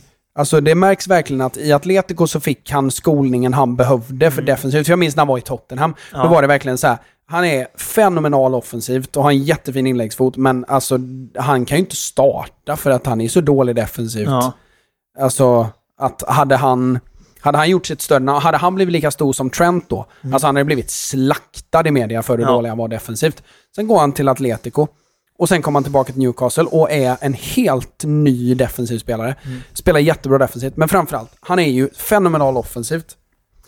Och det de gör då är ju att de sätter ju eh, ihop en resterande backlinje som består utav Burn, Båtman och Skär. Mm. Eller Kär. Fabian Kär. Ehm, som gör att de använder ju det som är väldigt populärt just nu. Jag hade tänkt att göra en eh, veckans scout på eh, några lag som spelar så här. Eh, men just eh, man gör en fyrbackslinje som, som lobbar för att så fort du har löst uppspelsfas så går du över på treback. Typ Ehm, Arsenal.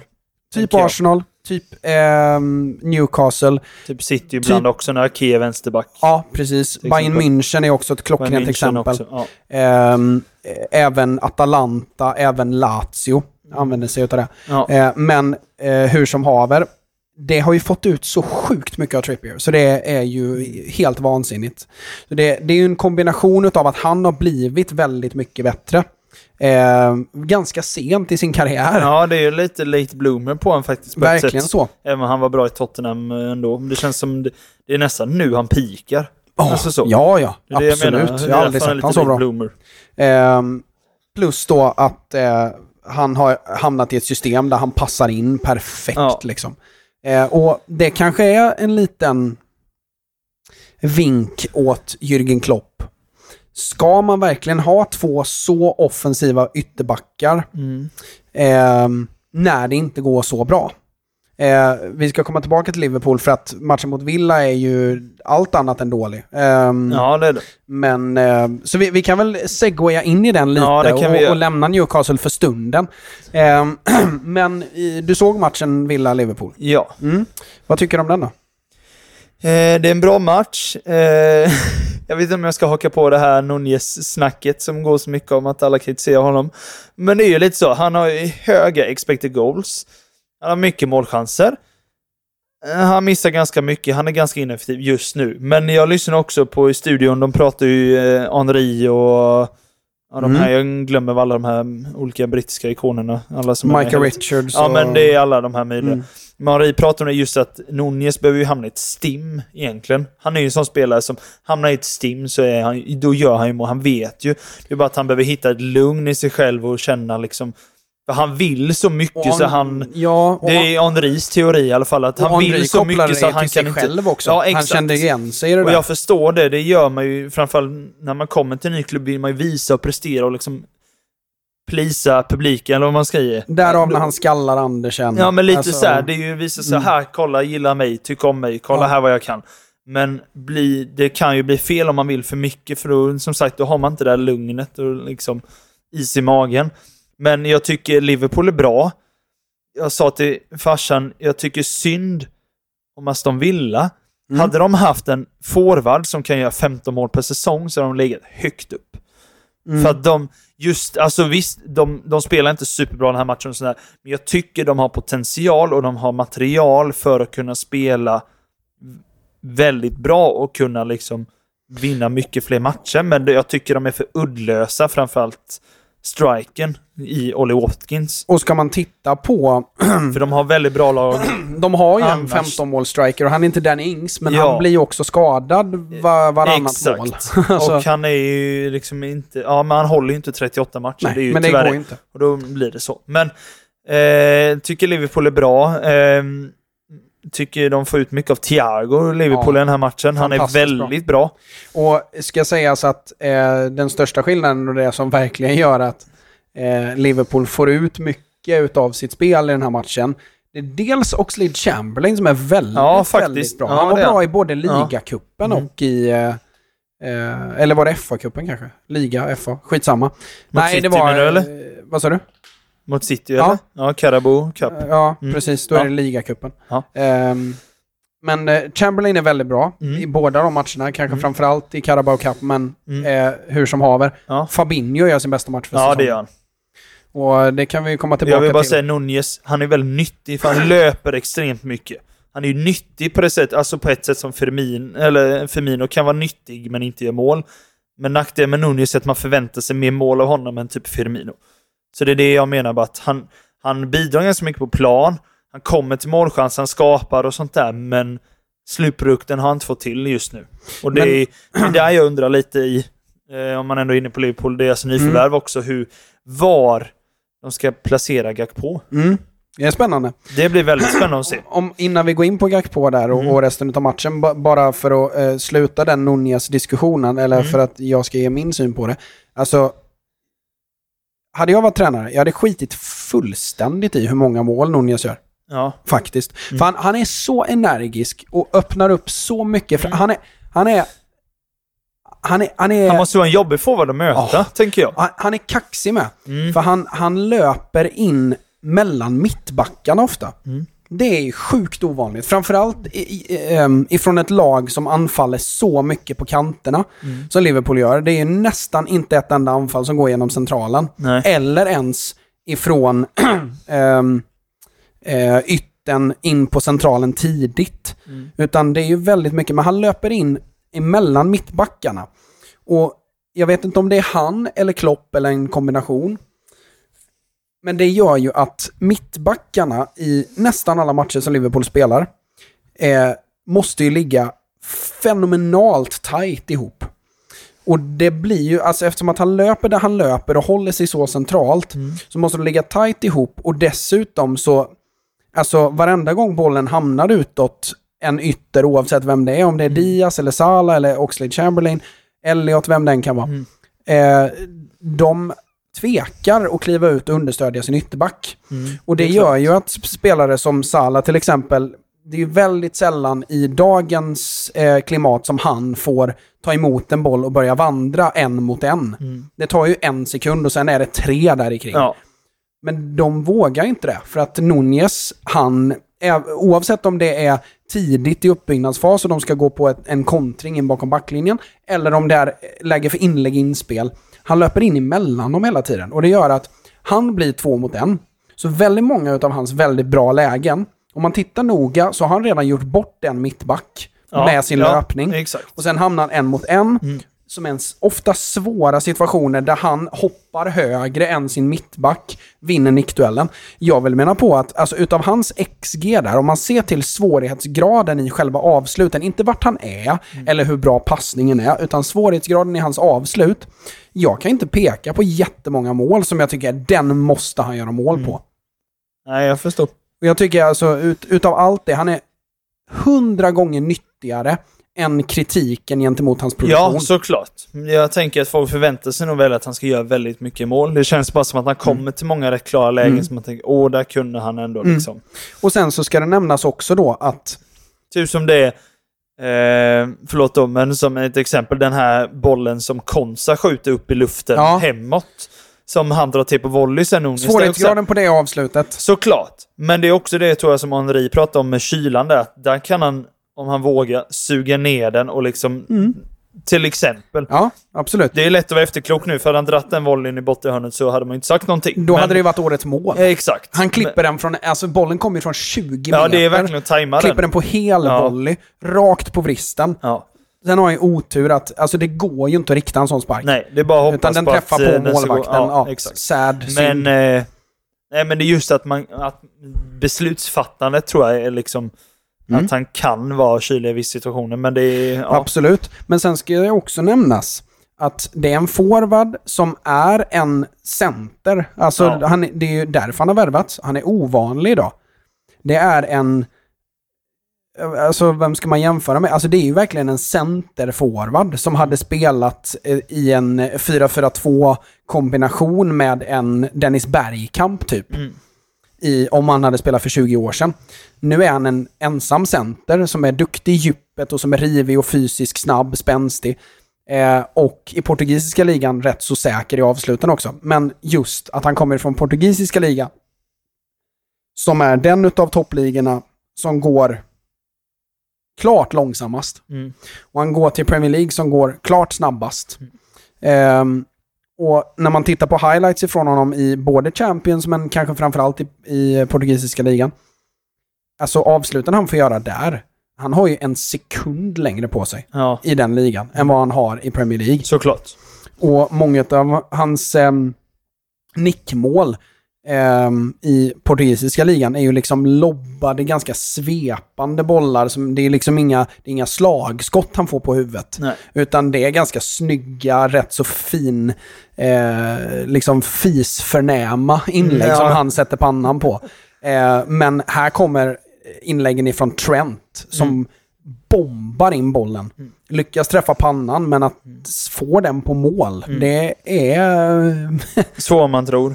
Svårare än man tror. Ja. Ehm, så jag, må, eh, jag måste säga att ehm, du kan inte jämföra Nunez med Haaland. Nej. Eh, för det Haaland är bättre. Det är inget snack om saken. Utan så är det. Ehm, däremot så ska jag säga att Nunez har ju också spelat under den period där Liverpool har spelat som allra sämst. Mm. Sen typ 2017. Och jag tror att ett Liverpool i harmoni med Nunez på topp som får spela en säsong i Premier League och hoppa på nästa säsong. Mm. Då kan vi snacka sjuka mängder mål. För precis som ni säger, alla, alla som kritiserar, det är ingen som ifrågasätter hur många målchanser han skapar. Nej. Och liksom, tänk om han sätter dem. Det är därför han har hög XG liksom. Jag Det ska han, han ha hade också. väl, vad, vad, vad var hans XG? Han hade XG på typ så här 0,9 mål per match eller någonting. Alltså något Det är sånt. rätt högt. Det är sjukt högt. ja. Ehm, liksom, och då är han ju uppe på Haaland-nummer Ja. i så fall.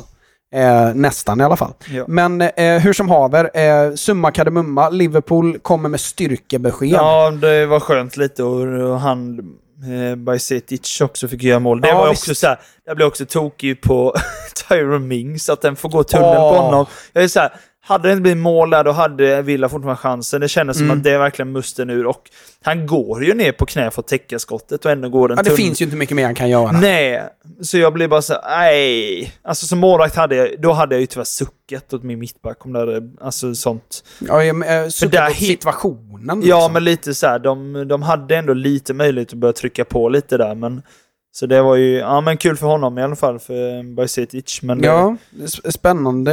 kul för van Dijk att göra mål också. Visst, det touchar Ja, på en, men det. Det, Olsen har väl en helt okej match, men om man ska se ur är- det svensk är inte mycket du kan hänga honom Nej, det är lite så. Han har väl lite...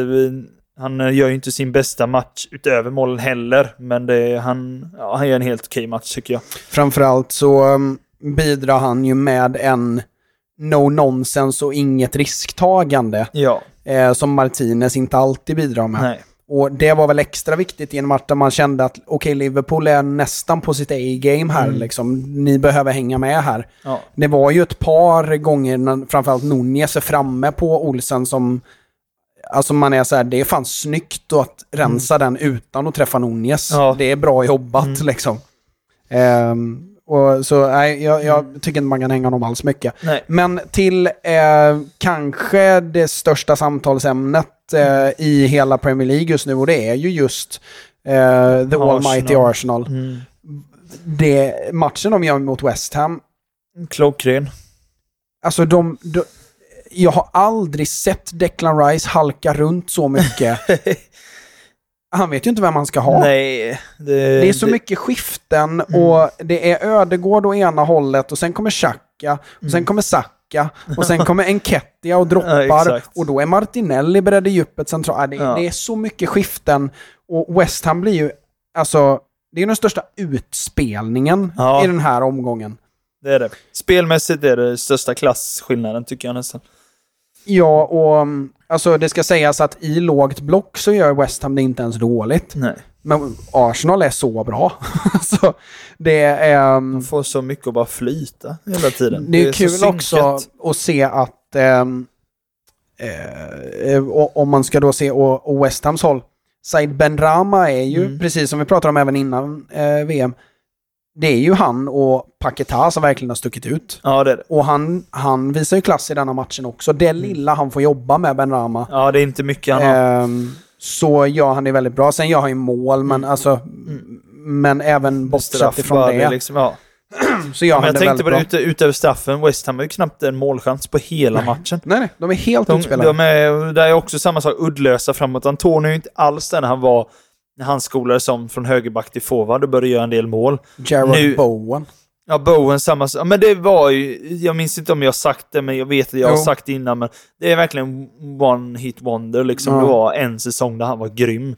Mm. Jag tänkte det inför den här säsongen. Han kommer inte palla göra en sån, en sån liknande säsong igen. Hur har det gått för honom i år? Eh, Det kan inte vara många mål.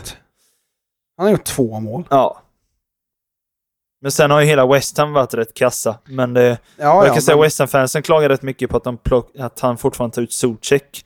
Ja, han har ju varit- För han var också bra förra året, men i Ja. år är han inte... Nej, jag vet inte. Men fra, det framförallt... var många som är svaga. Fa- jag satt ju och grunnade på så här, Fabianski, vad är han? 30... Han är ju gammal nu. 36, 37 han. Ja, jag tänkte dock Ehm. också så här, behöver byta där. För att han är... Nej. Måste bara avbryta. Eh, det är passande att vi sitter och poddar. Ja. Fotbollsikonen Pelé, död. ja, han är det nu. Mm. Tråkigt.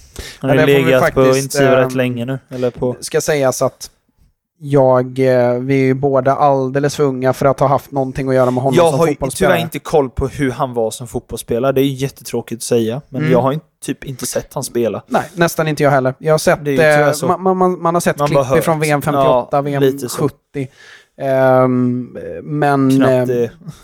Nej, det, det, tyvärr alltså. Men, Mm. men det, det är eh, såklart otroligt tråkigt eftersom ja, att det det, det är ju på något sätt monumentalt att de två innan Messi och Ronaldo, Mm. som nämndes allra mest i diskussionen vem som är den bästa spelaren genom alla tider, nu är båda döda. Ja. Det är rätt sorgligt. Ja, alltså, det. Och framförallt Maradona då, vad fan blev han? Typ 60? ja, något sånt. Han blev nog prick 60 tror jag.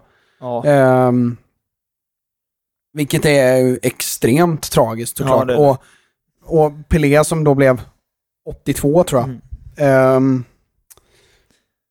grymt sorgligt. Ehm, och ehm, han eh, har väl haft en rätt lång eh, kamp mot cancer. Ja, det har varit väldigt länge och det har varit rätt många veckor nu som de har skickat in här på... Jag kommer inte ihåg vad det heter när man är nära döden. ja Alltså nu är det liksom sista refrängen här. intensiven. Ja, men lite så. Mm. Där har han ju varit i flera veckor verkligen Ja. nu. Så att man har ju förstått ett bra tag nu att snart så är det liksom färdigt. Ja, jättetråkigt såklart. Ja, verkligen. Ehm, och, ehm, eh, det var ju på, på ett sätt ganska passande att vi satt med mickarna nu. Ja. Ehm, men ehm, eh, det, det finns inte så mycket mer nyheter just nu än att han blev 82 och eh, har gått bort tyvärr. Eh, jättetråkigt eh, och eh, vi kanske eh, gör våran research och tar upp det i eh, nästa veckas avsnitt för det lär väl bli en, Ja. en helt egen. De lär väl göra precis som de gjorde med Maradona och släppa en Sportbladet eh, special om honom. Ja. Det får vi. Jättetråkigt. Eh, men för att avsluta Arsenal ehm, eh, eh, prylen där. Eh, Jag tycker att det här är första gången för övrigt när, där jag tycker att Gabriel är bättre än Saliba.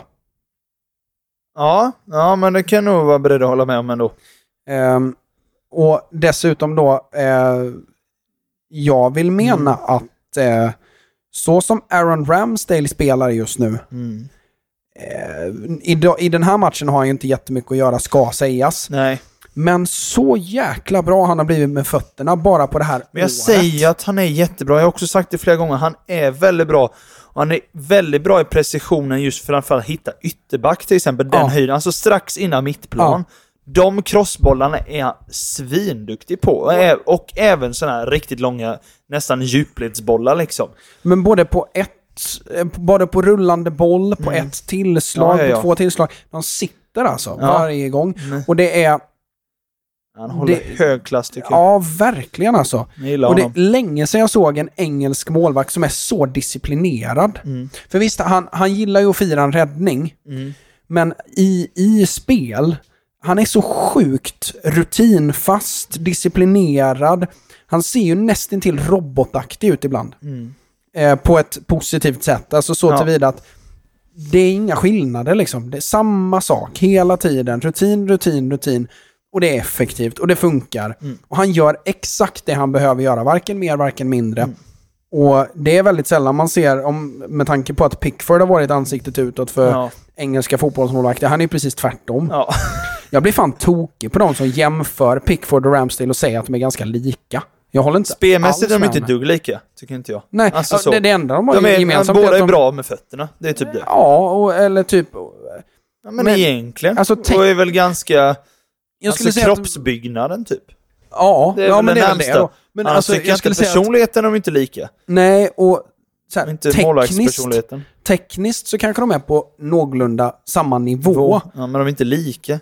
Nej, och, Nej. Då, och framförallt så är Ramsdale bra mycket smartare och jämnare. Ja. Och mer liksom kontinuerlig med vad han Exakt. gör och hur han Pickford är agerar. ju mer som en berg och dalbana. Ja, men det är, Det är bara att koppla på och försöka hänga med. Ramsdale vet man ju lite liksom. när han ska svänga höger och vänster. Liksom. Ja, men lite så. Ja. Ehm, nej, men det känns som att Ramsdales berg och dalbana går ju på räls och Ja. Pickfords är ju med ratt.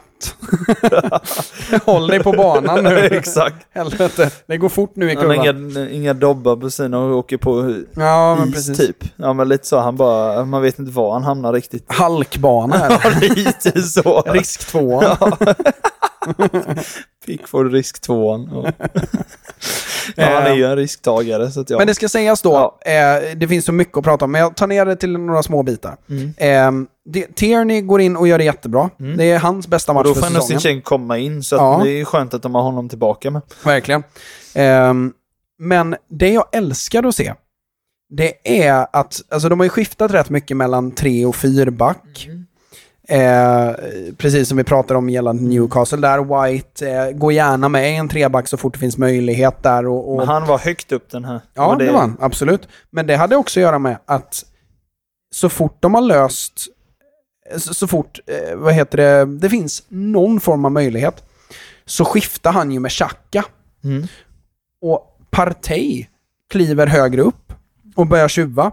Och Tierney blir någon form av ensam defensiv fältare redan i uppbyggnadsfas. Och de använder det, det är jag ganska klar på varför. Det är ju för att West Ham ligger så lågt.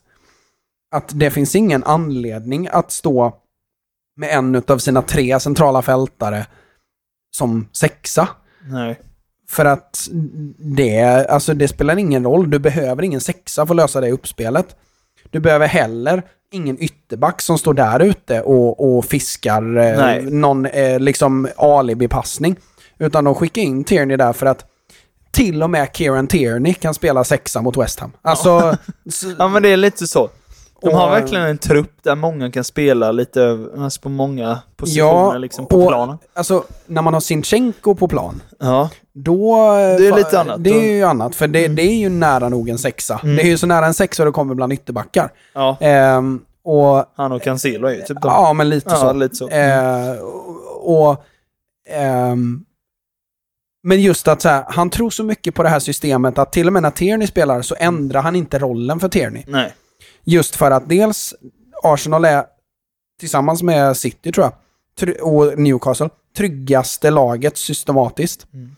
Och han vet att West Ham kommer inte att kapitalisera på det här. De kommer inte se det hända och ändra sin approach.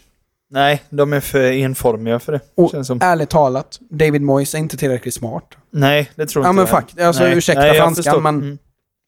jag, jag ser... Eh, det var någon gång när Arsenal rullar upp West Ham från utrullning till anfall, så jag tror det blir en hörna utav det. Och de filmar till David Moyes, som sitter ner Mm. eh, på bänken, inte bredvid någon assistent som sitter med en iPad, Nej. inte, inte bredvid någon, utan han sitter Nej. själv. Mm. Och bara sitter sådär och liksom typ gestikulerar med ena handen. Mm. Och, jag, och jag som satt och tittade, satt ju och tänkte på det hela tiden. Bara hur fan hade jag gjort Mm. här? Ja. Om de hade gjort det här draget. För det är ju oväntat eftersom att de startar med Tierney. ja jag exakt. trodde inte de Ja. skulle göra det. Nej. Men när de väl gör det, och de gör det ju från minut ett, Mm.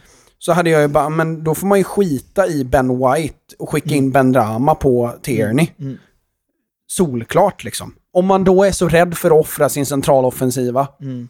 eh, sin tia, Ja. eh, för att man är rädd att man ska ja, då är bli... att plocka in en av eh, de... Precis, på kanten, och man är liksom. Mm. rädd för att bli förbispelad eh, och bli eh, tre, eller två mot tre där, om, om de skulle lösa det då.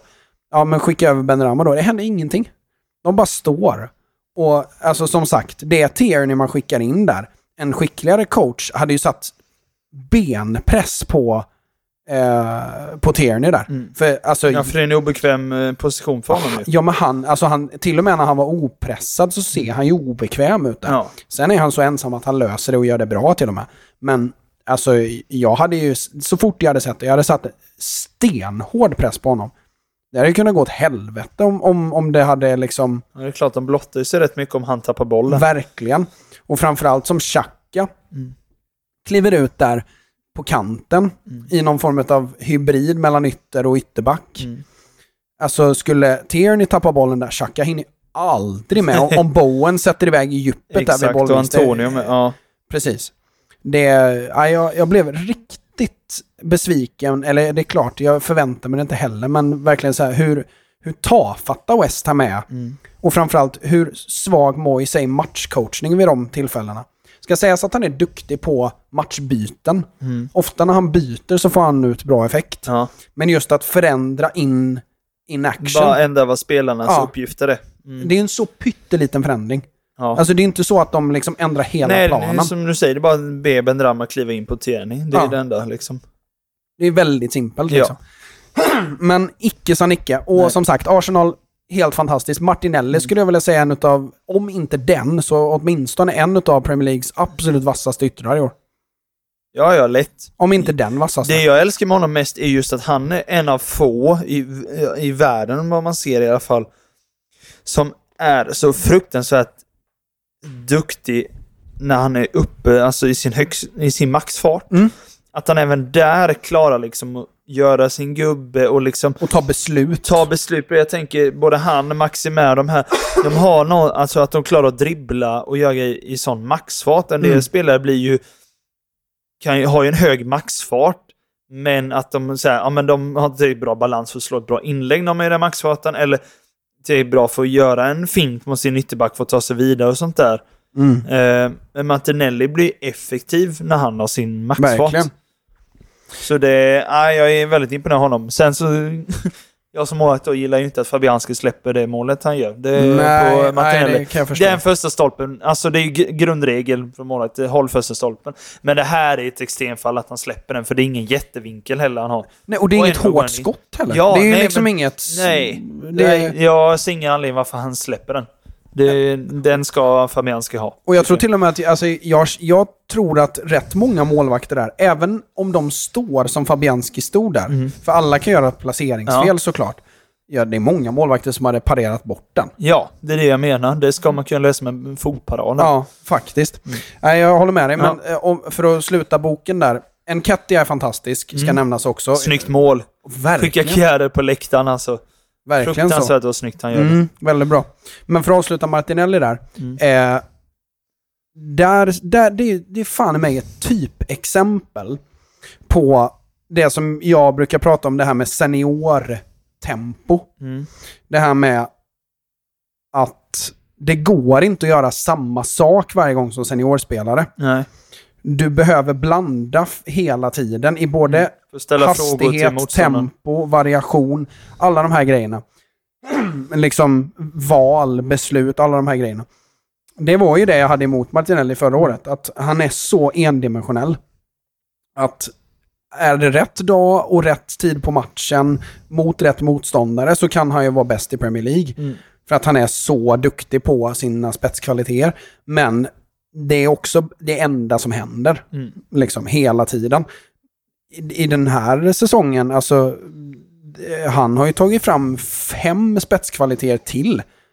Han har helt plötsligt blivit otroligt bra på liksom give and goes. Och Ja, det händer grejer även när han är stillastående som inte är att han försöker göra sin gubbe på första touchen. Släpper, sticker, får tillbaka den, slår längre boll rakt över till Saka, hoppsan hejsan och sen fyller han på i straffområdet och är nära att nicka in en boll. Bara så här, har Tagit fram hur många S i rockärmen som Ja. helst. Man bara, vad fan hade du dem någonstans? Du har inte ens en jacka på dig. Men Typ liksom, så. så. Ehm, så nej, jag är sjukt imponerad av Arsenal och det kändes lite som att, precis som man pratar om, efter VM, vad händer då? Ja. Alltså, det, det här var positivt för dem. Alltså du som City-supporter, Mm. tror du City hinner ikapp eller? Tror du att Jag de tror orkar? att de kommer göra gapet mindre. Det tror jag. Mm. Men eh, jag vet inte om de löser hela vägen. Som det ser ut nu så tror jag det blir tufft. Arsenal kommer förlora någon match nu under Mm. våren. Men frågan om det blir mer än så. Alltså man, alltså, ja. Jag vet inte. Det, det känns väldigt tufft faktiskt så som det ser ut just nu. Men saker och ting kan ju hända och det kan bli skador och det kan, eh, ja, allt möjligt. Men Ska vi säga att Arsenal och City är ju de två lagen jag gillar minst utav de bra lagen. ja, Eh, Arsenal är väl egentligen bara för att min brorsa alltid är het på Arsenal Ja. och jag är het på United. Och City är ju mer för att det är lokalrivalen och, Mm. och, och liksom ja, också att man, man verkligen började följa Premier League när City... För i början så kan man ju verkligen säga att de köpte sig ju mer eller mindre till den första titeln. ja. Eh, det kan man ändå argumentera ja, det för. Ja. Ehm, och sen fram, framåt i tiden så, så kan man ju absolut lägga argument för att det inte alls är så. Nej. Eh, men eh, just där och då så kändes det och kanske också var så. Så de två är ju lagen jag gillar minst. Mm.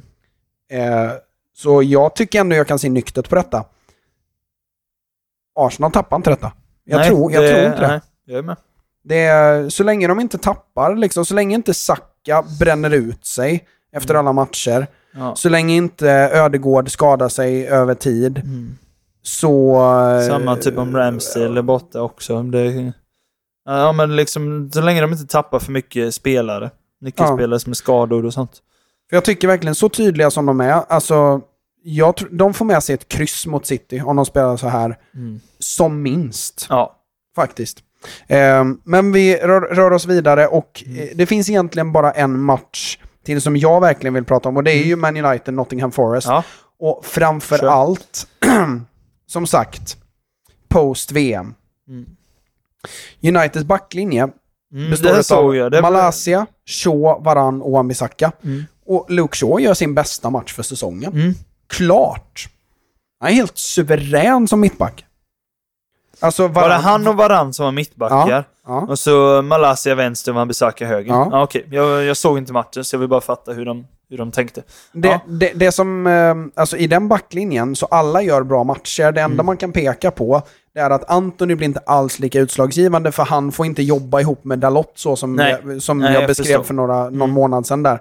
Med deras dynamik sinsemellan och hur det skapar utrymme för Anthony och så vidare. Utan förstår. Wan-Bissaka får ju spela sitt spel. Mm. Det är också styrka av Ten Hag, att han Ja. inte tvingar in honom i det, utan Mm. så här, ja, men då får vi ändra efter det. Då sätter vi varann på din sida. Mm. Så att det kan bli en lite mer traditionell fyrbackslinje Mm. utav det här. Eh, fair enough. Ja. Eh, och så var det med det. Men jag ska säga att alltså Varann behöver inte ta, han behöver inte göra något i den här matchen. För så är så pass bra i Lisandro Martinez-rollen, alltså Mm. bulldoggen och han som kliver upp i rygg, han som tar den första duellen. Framförallt i Nottingham som spelar så rakt, där det blir många en mot en dueller där centern har en spelare i ryggen. Shaw är fenomenal där. Eh, och gör det jättebra. Visst, nu är inte Nottingham världens bästa lag. Långt ifrån. Mm. Men att göra sin första match som mittback och vara så bra, eh, det är imponerande. Mm. Ja, det är kul för. Rashford gör ju sin bästa match för säsongen och jag har inte sett honom så självsäker sedan 2016 tror jag. Nej. Shit vad bra han är. Det är Gött. sånt flyt i Kul med att ha steget. han i fantasy. Jag satte in honom under matchen. Jag bara, nej det här... Japp. För jag hade ju Anthony där. Du är för Eh, sen vet. Ja, det är jag nog. Eh, nej, men jag tror Ja. att Rashford kan vakna till liv ordentligt. Ja, det tror jag med. Eh, Hur var Martial om jag bara får fråga? Jag som inte som sett den. eh, inte mycket, alltså, Han gjorde ju mål så jag bland annat, ja, men det, men det är det. Ja. Alltså, okej. inte alls. det är inte så han bidrar på det sättet. Nej, verkligen skillnad. Tvärtom. Ja. Alltså n- när han går ut så händer det grejer Ja, okej. i pressspelet framförallt. Ja, boys, nu kan vi börja spela fotboll igen. Lite, ja men det var verkligen så. Ja, jag förstår. Eh, nu är jag ju lite Martial bortvinklad för jag Ja, jag gillar ju vet. verkligen, det är ju verkligen inte min typ av spelare. Nej, jag vet. Eh, men, ehm, Ja. Nej, jag blev bara nyfiken som han fick starta. ja, nej men och jag tror att det mer har att göra med vilka man har på bänken. Mm. Eh, ska sägas att van de Beek får komma in och det är första gången jag har sett någon form av beslutsamhet och revanschlusta. Mm. Han kom in och nästan med frustande näsborrar Mm, liksom. det är bra. Nu jävlar liksom. Mm, det är bra. Trots att det stod, jag tror det stod 3-0 när han kom in. Ehm, Det är bra att han visar lite det. ja, visst. Det var kul om han fick börja spela lite mer igen. Ja, verkligen. Faktiskt. Och eh, jag menar, det, han måste göra det om inte hans karriär ska gå åt helvete. Mm. Ja, men det liksom. känns lite så. Eh, Jag är lite orolig för han nästan. För jag menar, alltså skulle han... Skulle han vilja gå ifrån United nu? Mm. Alltså, jag tror inte ens Ajax vill ha honom. Nej. Ja, alltså då, snackar vi liksom Nej, men- Feyenoord eller ja. någonting. Eh, som en rimlig transfer. Men eh, hur som haver. Det, men eh, utav alla de här spelarna som jag nämnt, bäst på plan är Casemiro by far. Mm. Alltså, jag har också läst på Instagram. Helt de som lägger upp som otrolig alltså. Och killen har precis startat alla matcher i ett VM, för Brasilien. Ja. Kommer in, visst de gick bara till kvartsfinal, Mm. men ändå. Man borde vara Eh, lite mentalt trött. Ja, verkligen. Och liksom, det- även med liksom tidszoner och omställningar, Ja, ja. Ja, väderomställningar. exakt. Ehm, nej, han är fantastisk i den här matchen. Det går inte att säga annat faktiskt. Ehm, men eh, det gör ju att United då, jag nämnde det till dig precis innan vi drog igång, 14 senaste matcherna alla tävlingar. Mm. 11 vinster, en förlust, väldigt två bra. oavgjorda. Ja. Det är ju resultat som pekar på ett lag som är på väg någonstans och framförallt ett lag som är ett lag igen. ja. Och just det som vi pratar om Arsenal där, att man, man eh, rubbar inte någonting för att Tierney är borta. Utan det, eller för att eh, Tierney startar istället Ja, för Zinchenko. eller alltså Mm. sådana här grejer. Att det, det är inte så mycket som förändras. Man, man gör inte färre mål för att eh, Enketia startar istället för Jesus. Det händer inte så mycket. Lite samma känsla blev det i den här matchen gällande Man United. Eh, och just att Erik Ten Hag har satt grundbultarna i hur han vill spela. Framförallt emot de lägre rankade, rankade lagen. Det är där jag tycker att de verkligen har steppat upp. För att i, i början av säsongen så var det ju jämna matcher mot de stora lagen. Vinner mot Liverpool med eftertryck. Ja. Eh, och eh, gör till slut någon form av match utav eh, derbyt Ja, mot eh, ja City. lite så. Det är ju dock när City börjar slå på takten lite. Ja, ja visst. Men, Men, eh, men ändå lite. med Anthony och Martial där framförallt. ja, exakt. Eh, men... och har ju eh, Chelsea också. Ja, de har ju verkligen haft det tufft mot de sämre lagen om man säger så. Brentford till ja, exempel. till exempel. Mm. Det, är, det är väl kanske det tydligaste. Ja. Men just att så här, Uniteds grundspel är så pass bra nu att de är klart bättre och spelförande mot de lägre lagen. Mm. Det var inte självklart i början av säsongen, nästan tvärtom. Man satt ju bet på naglarna så det bara skrek om det. I den här matchen, det, det, de spelar av det som, som ingenting. Alltså Nottingham är aldrig nära överhuvudtaget och ger dem aldrig någon chans att andas överhuvudtaget. Också fint att se innan vi avslutar. Eh, att när Lingard eh, byts ut eh, halvskadad Ja, eh, så får han ju stående ovation ifrån Old Trafford. ja det är schysst. jag tyckte det var det fint ändå. För det är ändå en spelare som... Det tror jag han behövde. Ja, Alltså, lite så så. här, Jag tror det verkligen personligt behövdes av honom. Ja, För jag och- tror inte han har det jättelätt just nu. Nej, men också för att så här. Han är ju en spelare, alltså det var ju ingen som grät när Lingard lämnade. Nej. Trots att det är en egen produkt som Ja. älskar både Manchester och Manchester United. Ja, det är nej. verkligen en mankboy liksom. Ehm, det är ju lite sådär, vad ska man säga? Ehm, jag, tror, jag tror det var e- e- ett bra sätt att säga att visst, du var inte tillräckligt bra till slut. Men vi är glada att vi har haft det här. Ja, och lite Lite så. så att du är fortfarande vår kille liksom. Eh, på något sätt. Du är välkommen hit. Ja, men precis. eh, jag tror till och med, jag tror han bor kvar i Manchester. Jag tror inte han har flyttat ens. Nej, Jag tror han bor kvar i Manchester och pendlar. Ja. Ehm, men eh, vi ska avsluta där. Eh, ska, Ja. Behöver vi nämna City? Nej, jag kollar på den mestadels, lite till och från, men mestadels. City rullar ju väldigt bra. Hur- hur var Leeds? Ja, när man pratar om Nunez i expected goals. Ja, Grealish eh, har ju en rätt tuff dag. Vilka lägen! Han bränner ju värre än Nunez. Alltså, det, jag blev skogstokig på han. Eh, alltså, man är ju bara glad att vi har Haaland som sätter 97 av 100 målchanser för att... Eh, eh, nej, jag vet inte. Leeds har en bra bit kvar. Eh, City, Men de såg ändå, alltså City utav, löser väldigt mycket och gör det väldigt bra. utav det jag, eh, lilla jag hann se, jag så, såg en del av första halvleken. Mm. eh, I, eh, vad heter det, Exten, alltså korta Ja. drag. Leeds ser ju faktiskt rätt okej ut i första Ja, men halvlek. det gör de. De Alltså, kommer det- ändå till en del halvchanser. Det är ju, Rodri är väl mål på tilläggstid va, tror jag. Ja, det är det. För de har stått br- mot bra Leeds och Mm, Melier mål har gjort det bra och liksom sånt där. Men det, det, nej, jag tror det målet gjorde, gjorde lite mentalt för Leeds. mm. Gjorde att City kunde lösa det i andra halvlek. Men, eh, nej, men det kändes som att det här var en match som City löste. De gjorde det de skulle. De gjorde det bra. Fortfarande imponerad hur bra de är på att lösa trånga situationer när de blir pressade på egen planhalva. Hur de alltid Framförallt utav. Leeds liksom. Ja. För där ställs ju det på sin spets verkligen. Exakt. För Leeds skiter ju Ja, fullständigt i att det jättebra de möter. Alltså det, det, nej, men det, det kändes bra. Det var kul. Rico Lewis får starta. Han är bra då. Palmer kom in lite. Ja, alltså han är väl inte... Såg du honom i kuppen med? Alltså mot nej, Liverpool. nej, det såg jag inte så mycket av. Men det, För han var bra ja, där också. Och Ja, men han är alltså- kaxig alltså. Ja, men det är. Han är, han är duktig. Det är inte jättemycket mer att säga, men han är duktig. Sen så gör han inte skillnad, så som typ Cancelo gör som ytterback. Men, eh, ja. Nej, men han gör det bra. Det är kul. Kul att se Ake få spela vänsterback och löser det bra. Han har ju... Han har varit jättebra. han har han var bra i bra VM. kvaliteter. Alltså. Var Ja. bra eh, i slutet av eh, första eh, halvan, höll jag på att säga, men Mm. första tredjedelen av säsongen. Eh, Gjorde mål i kuppen. gjorde mål i kuppen och dessutom så eh, han spelar med, med vind i ryggen nu Mm, alltså och, och ser väldigt eh, bekväm ut. Ja.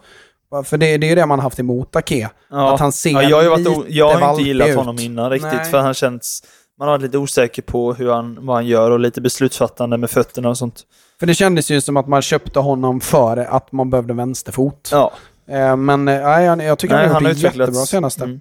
Nej, definitivt. så det är inte så mycket att säga. City gör det väldigt bra. Det, fina kvaliteter. Sen så, Grealish får två assist till slut, men han kan ju inte göra mål själv. Nej. Så det, men det är ju som sagt, när, när det väl kommer till en spets, Foden kommer ju starta nu, han kommer ju in, han kommer ju starta. Han har ju gjort inhopp både i kuppen och i ligan nu. Mm. Det är ju bara för dem att det är Cancelo eller Walker startar inte heller. Det är också för att de har varit i VM tror jag. Mm. Eh, så när de verkligen har alla fit for fight igen efter VM och sånt där så tror jag de kommer vara ännu bättre. Gissningsvis. Mm. Och Haaland Ehm. fortsätter ju som sagt. Och KDB, jag vet inte ifall du såg det när Grealish missade också eh, KDB skarv till Rico Lewis på kanten. Mm. Eh, Den skulle du sett. Han får ju en passning. Och så tror jag det är ytterbacken som kliver upp på det bröna. Det är ju typ mitten, mitten på offensiv planhalva.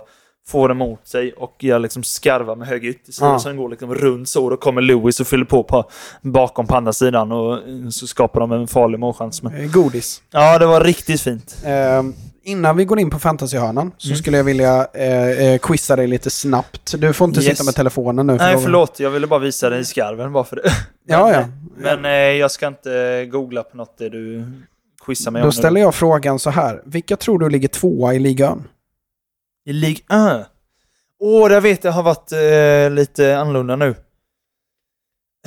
Vilka är det nu som har... Jag vet att det är något lag som man tänker som har gått... Eh, Du där som uppe. spelar Fifa, det finns typ fyra riktigt bra användbara kort därifrån. Ja, det är det jag bara funderar på vilka det är, vilket det är. Eh, Det är en tänker- som har en eh, position change som blev väldigt populär bland annat, som gick från centralfältare till mittback. ja, just det. Det är det Lans. Ja. ja Fofana. Mm. Seko Fofana. Eh, förvarnar er, Fint det, kort faktiskt. det blir en, eh, nä, nästa veckas eh, scout. Ah, Eh, gött. jag har suttit och, och kikat eh, och gått igenom hela deras första halva av säsongen. Mm. För det är ju de enda som rör eh, PSG ens i närheten. Ja. De har plockat ihop på 16, eller på 15 matcher, alltså en match mindre spelad än eh, PSG. Mm. 36 poäng. Och bra. 10 insläppta på 15 matcher. 26 gjorda. Så målskillnadsmässigt ligger de långt efter PSG. Mm. Men 10 insläppta och 26 gjorda. 36 poäng. Eh, eh, har ju en match till godo. Vinner de den så är de bara 5 poäng efter. Det är och bra. Det är de enda som kan göra det här till ett titelrace. Mm. Eh, det är spännande. De Det har en, spännande. en tränare som jag ska förbereda er lyssnare på. Eh, Frank Hess. Okej. Eller Heis. Ja. Heise stavas han. okej. Men jag gissar ja. att det är Frank Hess. Ja. Eh, den kan ni förbereda er på lite om, om ni vill ha lite, eh, lite, lite så här förberedelse inför, inför nästa avsnitt. För det, det är ett skitroligt lag. Det var väl eh, Jonathan Klaas gamla klubb, va? Eller? Eller Ja, var det? precis. Ja, mitt i Marseille. Exakt. Ja, Ehm, i Fifa. det språk. visade ju sig vara eh, inte så givande. Eller så, Marseille är Ja, också bra i år. Ja, men, det är de. Och man men, förstår ehm, flytten. Men Ja, ja, Mm. det är klart man gör.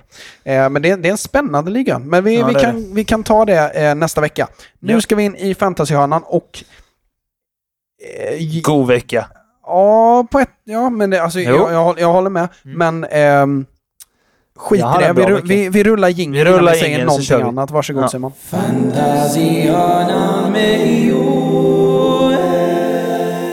Där, alltså... Det är nog den högsta averagen på väldigt länge. Ja, det är det. Det är många högprocentare som gjorde, eh, gjorde poäng. Eh, jag fick faktiskt... 72 i average alltså. Det är imponerande. Jag fick bara ihop 68. Ja, okej. Och jag tycker ändå att så här, alltså jag har gjort det bra. Ja. Alltså så här, Ramsdale, visst, eh, lyckas ju Det på är något bara jävla... oflyt Ja, men precis. egentligen. En Ja. straff liksom. Ja. Ja, okej. Mm. Cancelo med bara en poäng då. Ja, det är lite dumt i och med att jag tror nu hade ju... Hade jag pratat med dig en timme innan transferfönstret Mm. stängdes så hade jag sagt att ha inte Cancelo för att jag trodde inte han skulle starta. Nej, men då Nej. tänkte jag ju då att... Men eh, han eh, spelar förmodligen nästa match så nu är det ingen fara. Men den omgången blir straffade sig. Då var ju min plan så här då, för det, jag tänkte på det, dels så, det, det, det är mitt eget fel, att jag var sen med att eh, eh, kolla igenom det där. Och jag tänkte att så här, Jag kollade igenom mitt lag en timme innan det stängde och Ja. gjorde om det. Alltså, och kom på att man hade fria transfer och det här men... precis, Mm. då så tänkte jag så här då, Mm. att eh, Cancelo lär inte spela, Dalot lär definitivt inte spela. Nej, han var ju skadad. Ja. Eh, Han hade jag velat ha annars. Men... Mm. Och då tänkte jag så här att ja, men jag spelar ju bara en treback. Jag spelar med Mm. Cancelo, Trippier och eh, Dalot. Mm. till, som start. Ja. Då tänker jag att ja, men, eh, Ait Nouri och Nico Williams har jag på bänken. Mm. Jag behöver inte göra någonting. Eh, och så har jag då eh, Anthony Martinelli, De Bruyne och Andreas Pereira. Sen så har jag Kane, Solanke och Haaland. Ja. Eh, så jag tänkte att ja, men, oavsett, liksom, det kommer vara en av mina backar som kommer starta. Mm. Och då löser det sig, Ja. tänkte jag. För jag hade ju inte i tanken att Ait Nouri skulle komma in och göra poäng. Nu gjorde, men nu gjorde han ju det. ja. Eh, Fick du in honom då eller? nej, Nej. för då har jag ju Nico Williams före honom. Ja. För, att, för då tänker jag ju så här då, att ja, men då spelar varken Cancelo eller Dalot. Så då kommer ju båda in. Ah, Så kommer Cancelo in ja, och robbar exakt. mig på sex poäng. Ja, det, jo det bytet robbade dig på... Ja. Aj, den sved. Och Ja. med den så hade jag inte bara varit över average, utan jag hade klättrat typ 30 platser. ja. Alltså, åh Vad fy fick fan. Nouri för poäng? Sex. Ja, det är Så klart. det är liksom ja, det är typ, det är typ så bra du kan få ut av en inhoppande ytterback. Det går ju inte Nej, nästan. bättre. att- Det är ju en, no- en vanlig nolla i en match egentligen. Precis. Ja. Eh, så det är ju fenomenalt bra. Ja. Och, um, Vad sa du att du hade för mittfältare? Anthony som blir Rashford nu då. Ja, det är Eh, ju smart. Mm. Martinelli, Ja, det är De. Bruyne och Andreas Pereira. Ja, Eh, är bra. Bailey på bänken för övrigt. ja okej. Just det, du har kvar handen jäveln. Ja, men du gillar ju inte honom, men alltså Nej. du får ju erkänna Och han, eh, jag kollade i matchen, men han får inte ut mycket. Visst, han Nej. försöker, men han, får, han är ju, det är ju för... Det är kontinuiteten jag saknar i honom som gör att jag inte... Men eh, honom. alltså under tiden jag haft honom inne så har jag ändå fått rätt. Alltså, Ja, du för- har ju ändå jag, lyckats jag, pricka jag rätt. fick ju in fönstret där han gjorde poäng. Nu Ja. tror jag att han försvinner, för jag Ja. har typ tre fria byten att göra Ja, eh, till. Eh, för jag gjorde nästan inga byten i slutet där. Men hur som haver. ehm, jag ehm, har eh, bytt ut Rashford, eller bytt, bytt ut Anthony, mot Rashford. Mm, är smart. Eh, sen så försvinner Bailey. Jag klurar bara på vem som ska in där. Ödegård. Frågan är om jag har råd. Jag vill ha Ödegård kan jag säga. Jag ska kolla det bara direkt sådär.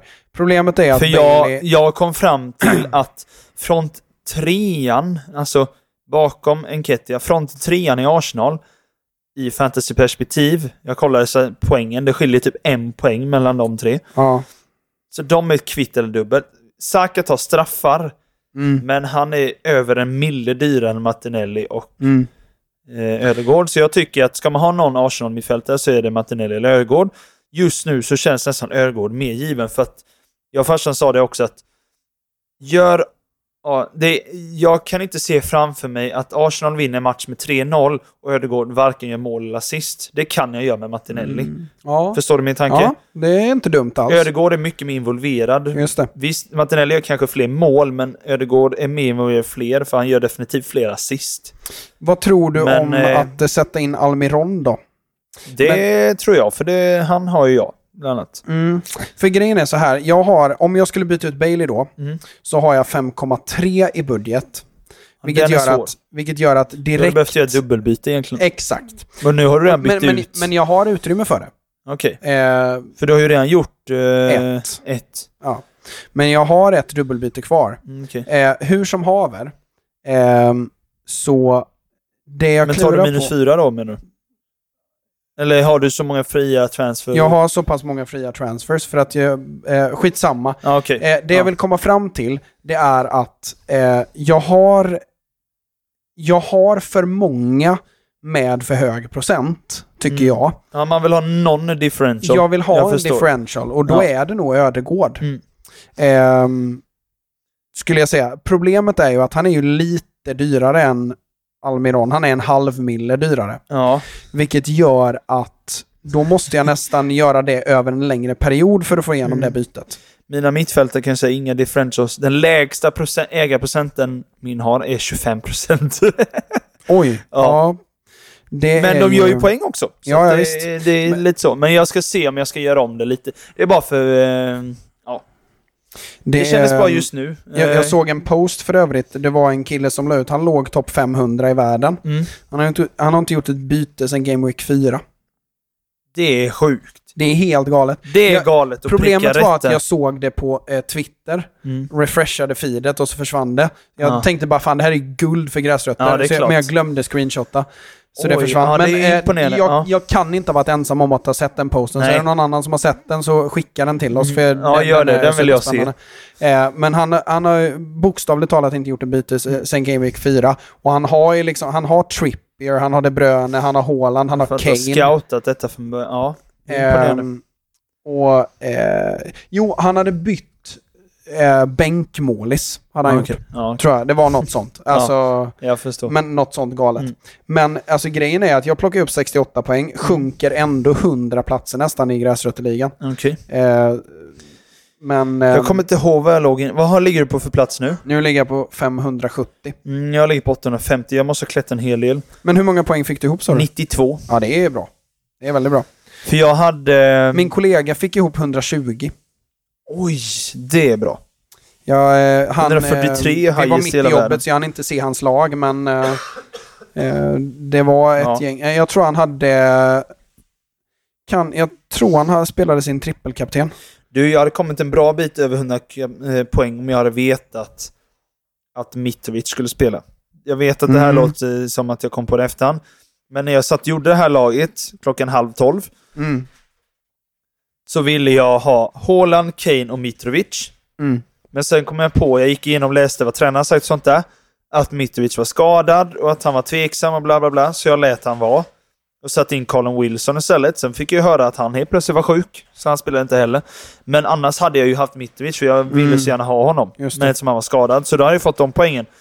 Men jag, eh, så jag hade ju kommit en bra bit över 100 kan jag säga om jag hade haft honom. Men jag hade ändå Kepa i mål, 9 poäng. Trippier 12, sen hade jag Reece James som gick ut skadad i typ 57 så han fick ju inte nollan heller. Mm. Eh, och så hade jag Akanji, fick ju inte heller nollan. Eh, Martinelli, Almiron, De Bruyne, Rashford, Andreas Pereira kom in istället för Conor Wilson och så hade jag Haaland som kapten och Kane. Och så hade jag Bueno i Wolves, Joakim Andersen, Colin Wilson då, och så eh, Ward. Vill du veta något eh, konstigt innan Och- vi tar topp 10? Ja. Eh, det är att, eh, de, dels så valde jag eh, för övrigt Mm. att trippelkaptena Haaland till nästa match. Eh, för jag har inte spelat ut min triple captain än. Nej. Eh, Mot men Everton. Ja, den är inte dum. en grej som jag märkte Mm. Mitt under matchen mellan Nottingham och Man United, Mm. det är att man kan byta plats på bänkspelarna. Det har jag aldrig fattat. Nej, vänta nu, förlåt. Nu lät det högt tror jag. vänta nu. Inte under, om, inte så att det påverkar den omgång som inne. Nej, nej, nej. Men jag visste inte ens att man kunde byta plats, för jag tänkte ju, när man sätter igång det här, Ja. eh, så tänkte jag att, ja men det är ju så här, det, är det makear ju sens. Eh, målvakt först, och sen som jag då som spelar 3-4-3, Mm. två försvarare och en Mm. mittfältare. Ja.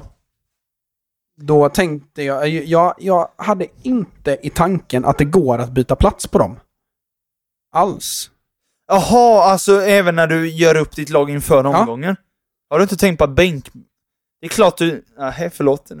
du förklarar jag dig känner jag. Och grej, ja, men, men det får du gärna göra, för ja, jag men känner mig helt Jo, dum i men huvudet. det ska man alltid tänka igenom. Jag, tänkte, jag har tänkt på det framförallt nu när, det, när man inte vet vilka som spelar nu efter VM Precis. Och, och sånt där. Att den som är, när du gör ditt lag, den som är första, det, den du tänker hoppar in. Det har ju till exempel jag, det var därför jag satt Andreas Pereira som första val, för jag tänkte han kanske gör poäng. Mm. För, för Han spelar i alla fall. han liksom. spelar ju och han hade en bra match. Mm.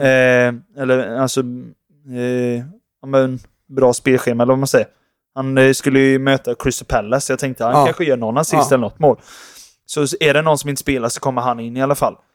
Så det planerar jag också vilka som är, och är det någon som är skadad, typ om jag inte tar ut Rhys James nu och inte gör transfer på honom, då sätter han ju som tredje val i min bänk. Men det här hade jag ju liksom noll Okej. aning om. Och Förlåt, dess- du förklarade, men Nej, nej, det, det var det är helt okej för jag känner mig dum i huvudet. Ja. Men Jag trodde det var eh, självklart. det, det jag skulle säga var att, alltså du har ju aldrig nämnt det här. Alltså jag har ju suttit och lyssnat på dina liksom, Ja. analyser hela Ja. tiden. Och ofta liksom det har jag ju gått på det du har sagt. Ja. Ja. Men jag tänker att, alltså nu, ni får gärna skriva till oss. Jag kan ju inte vara ensam om detta. Eller är jag så efterbliven? Jag vet inte, det Nej, men- kul.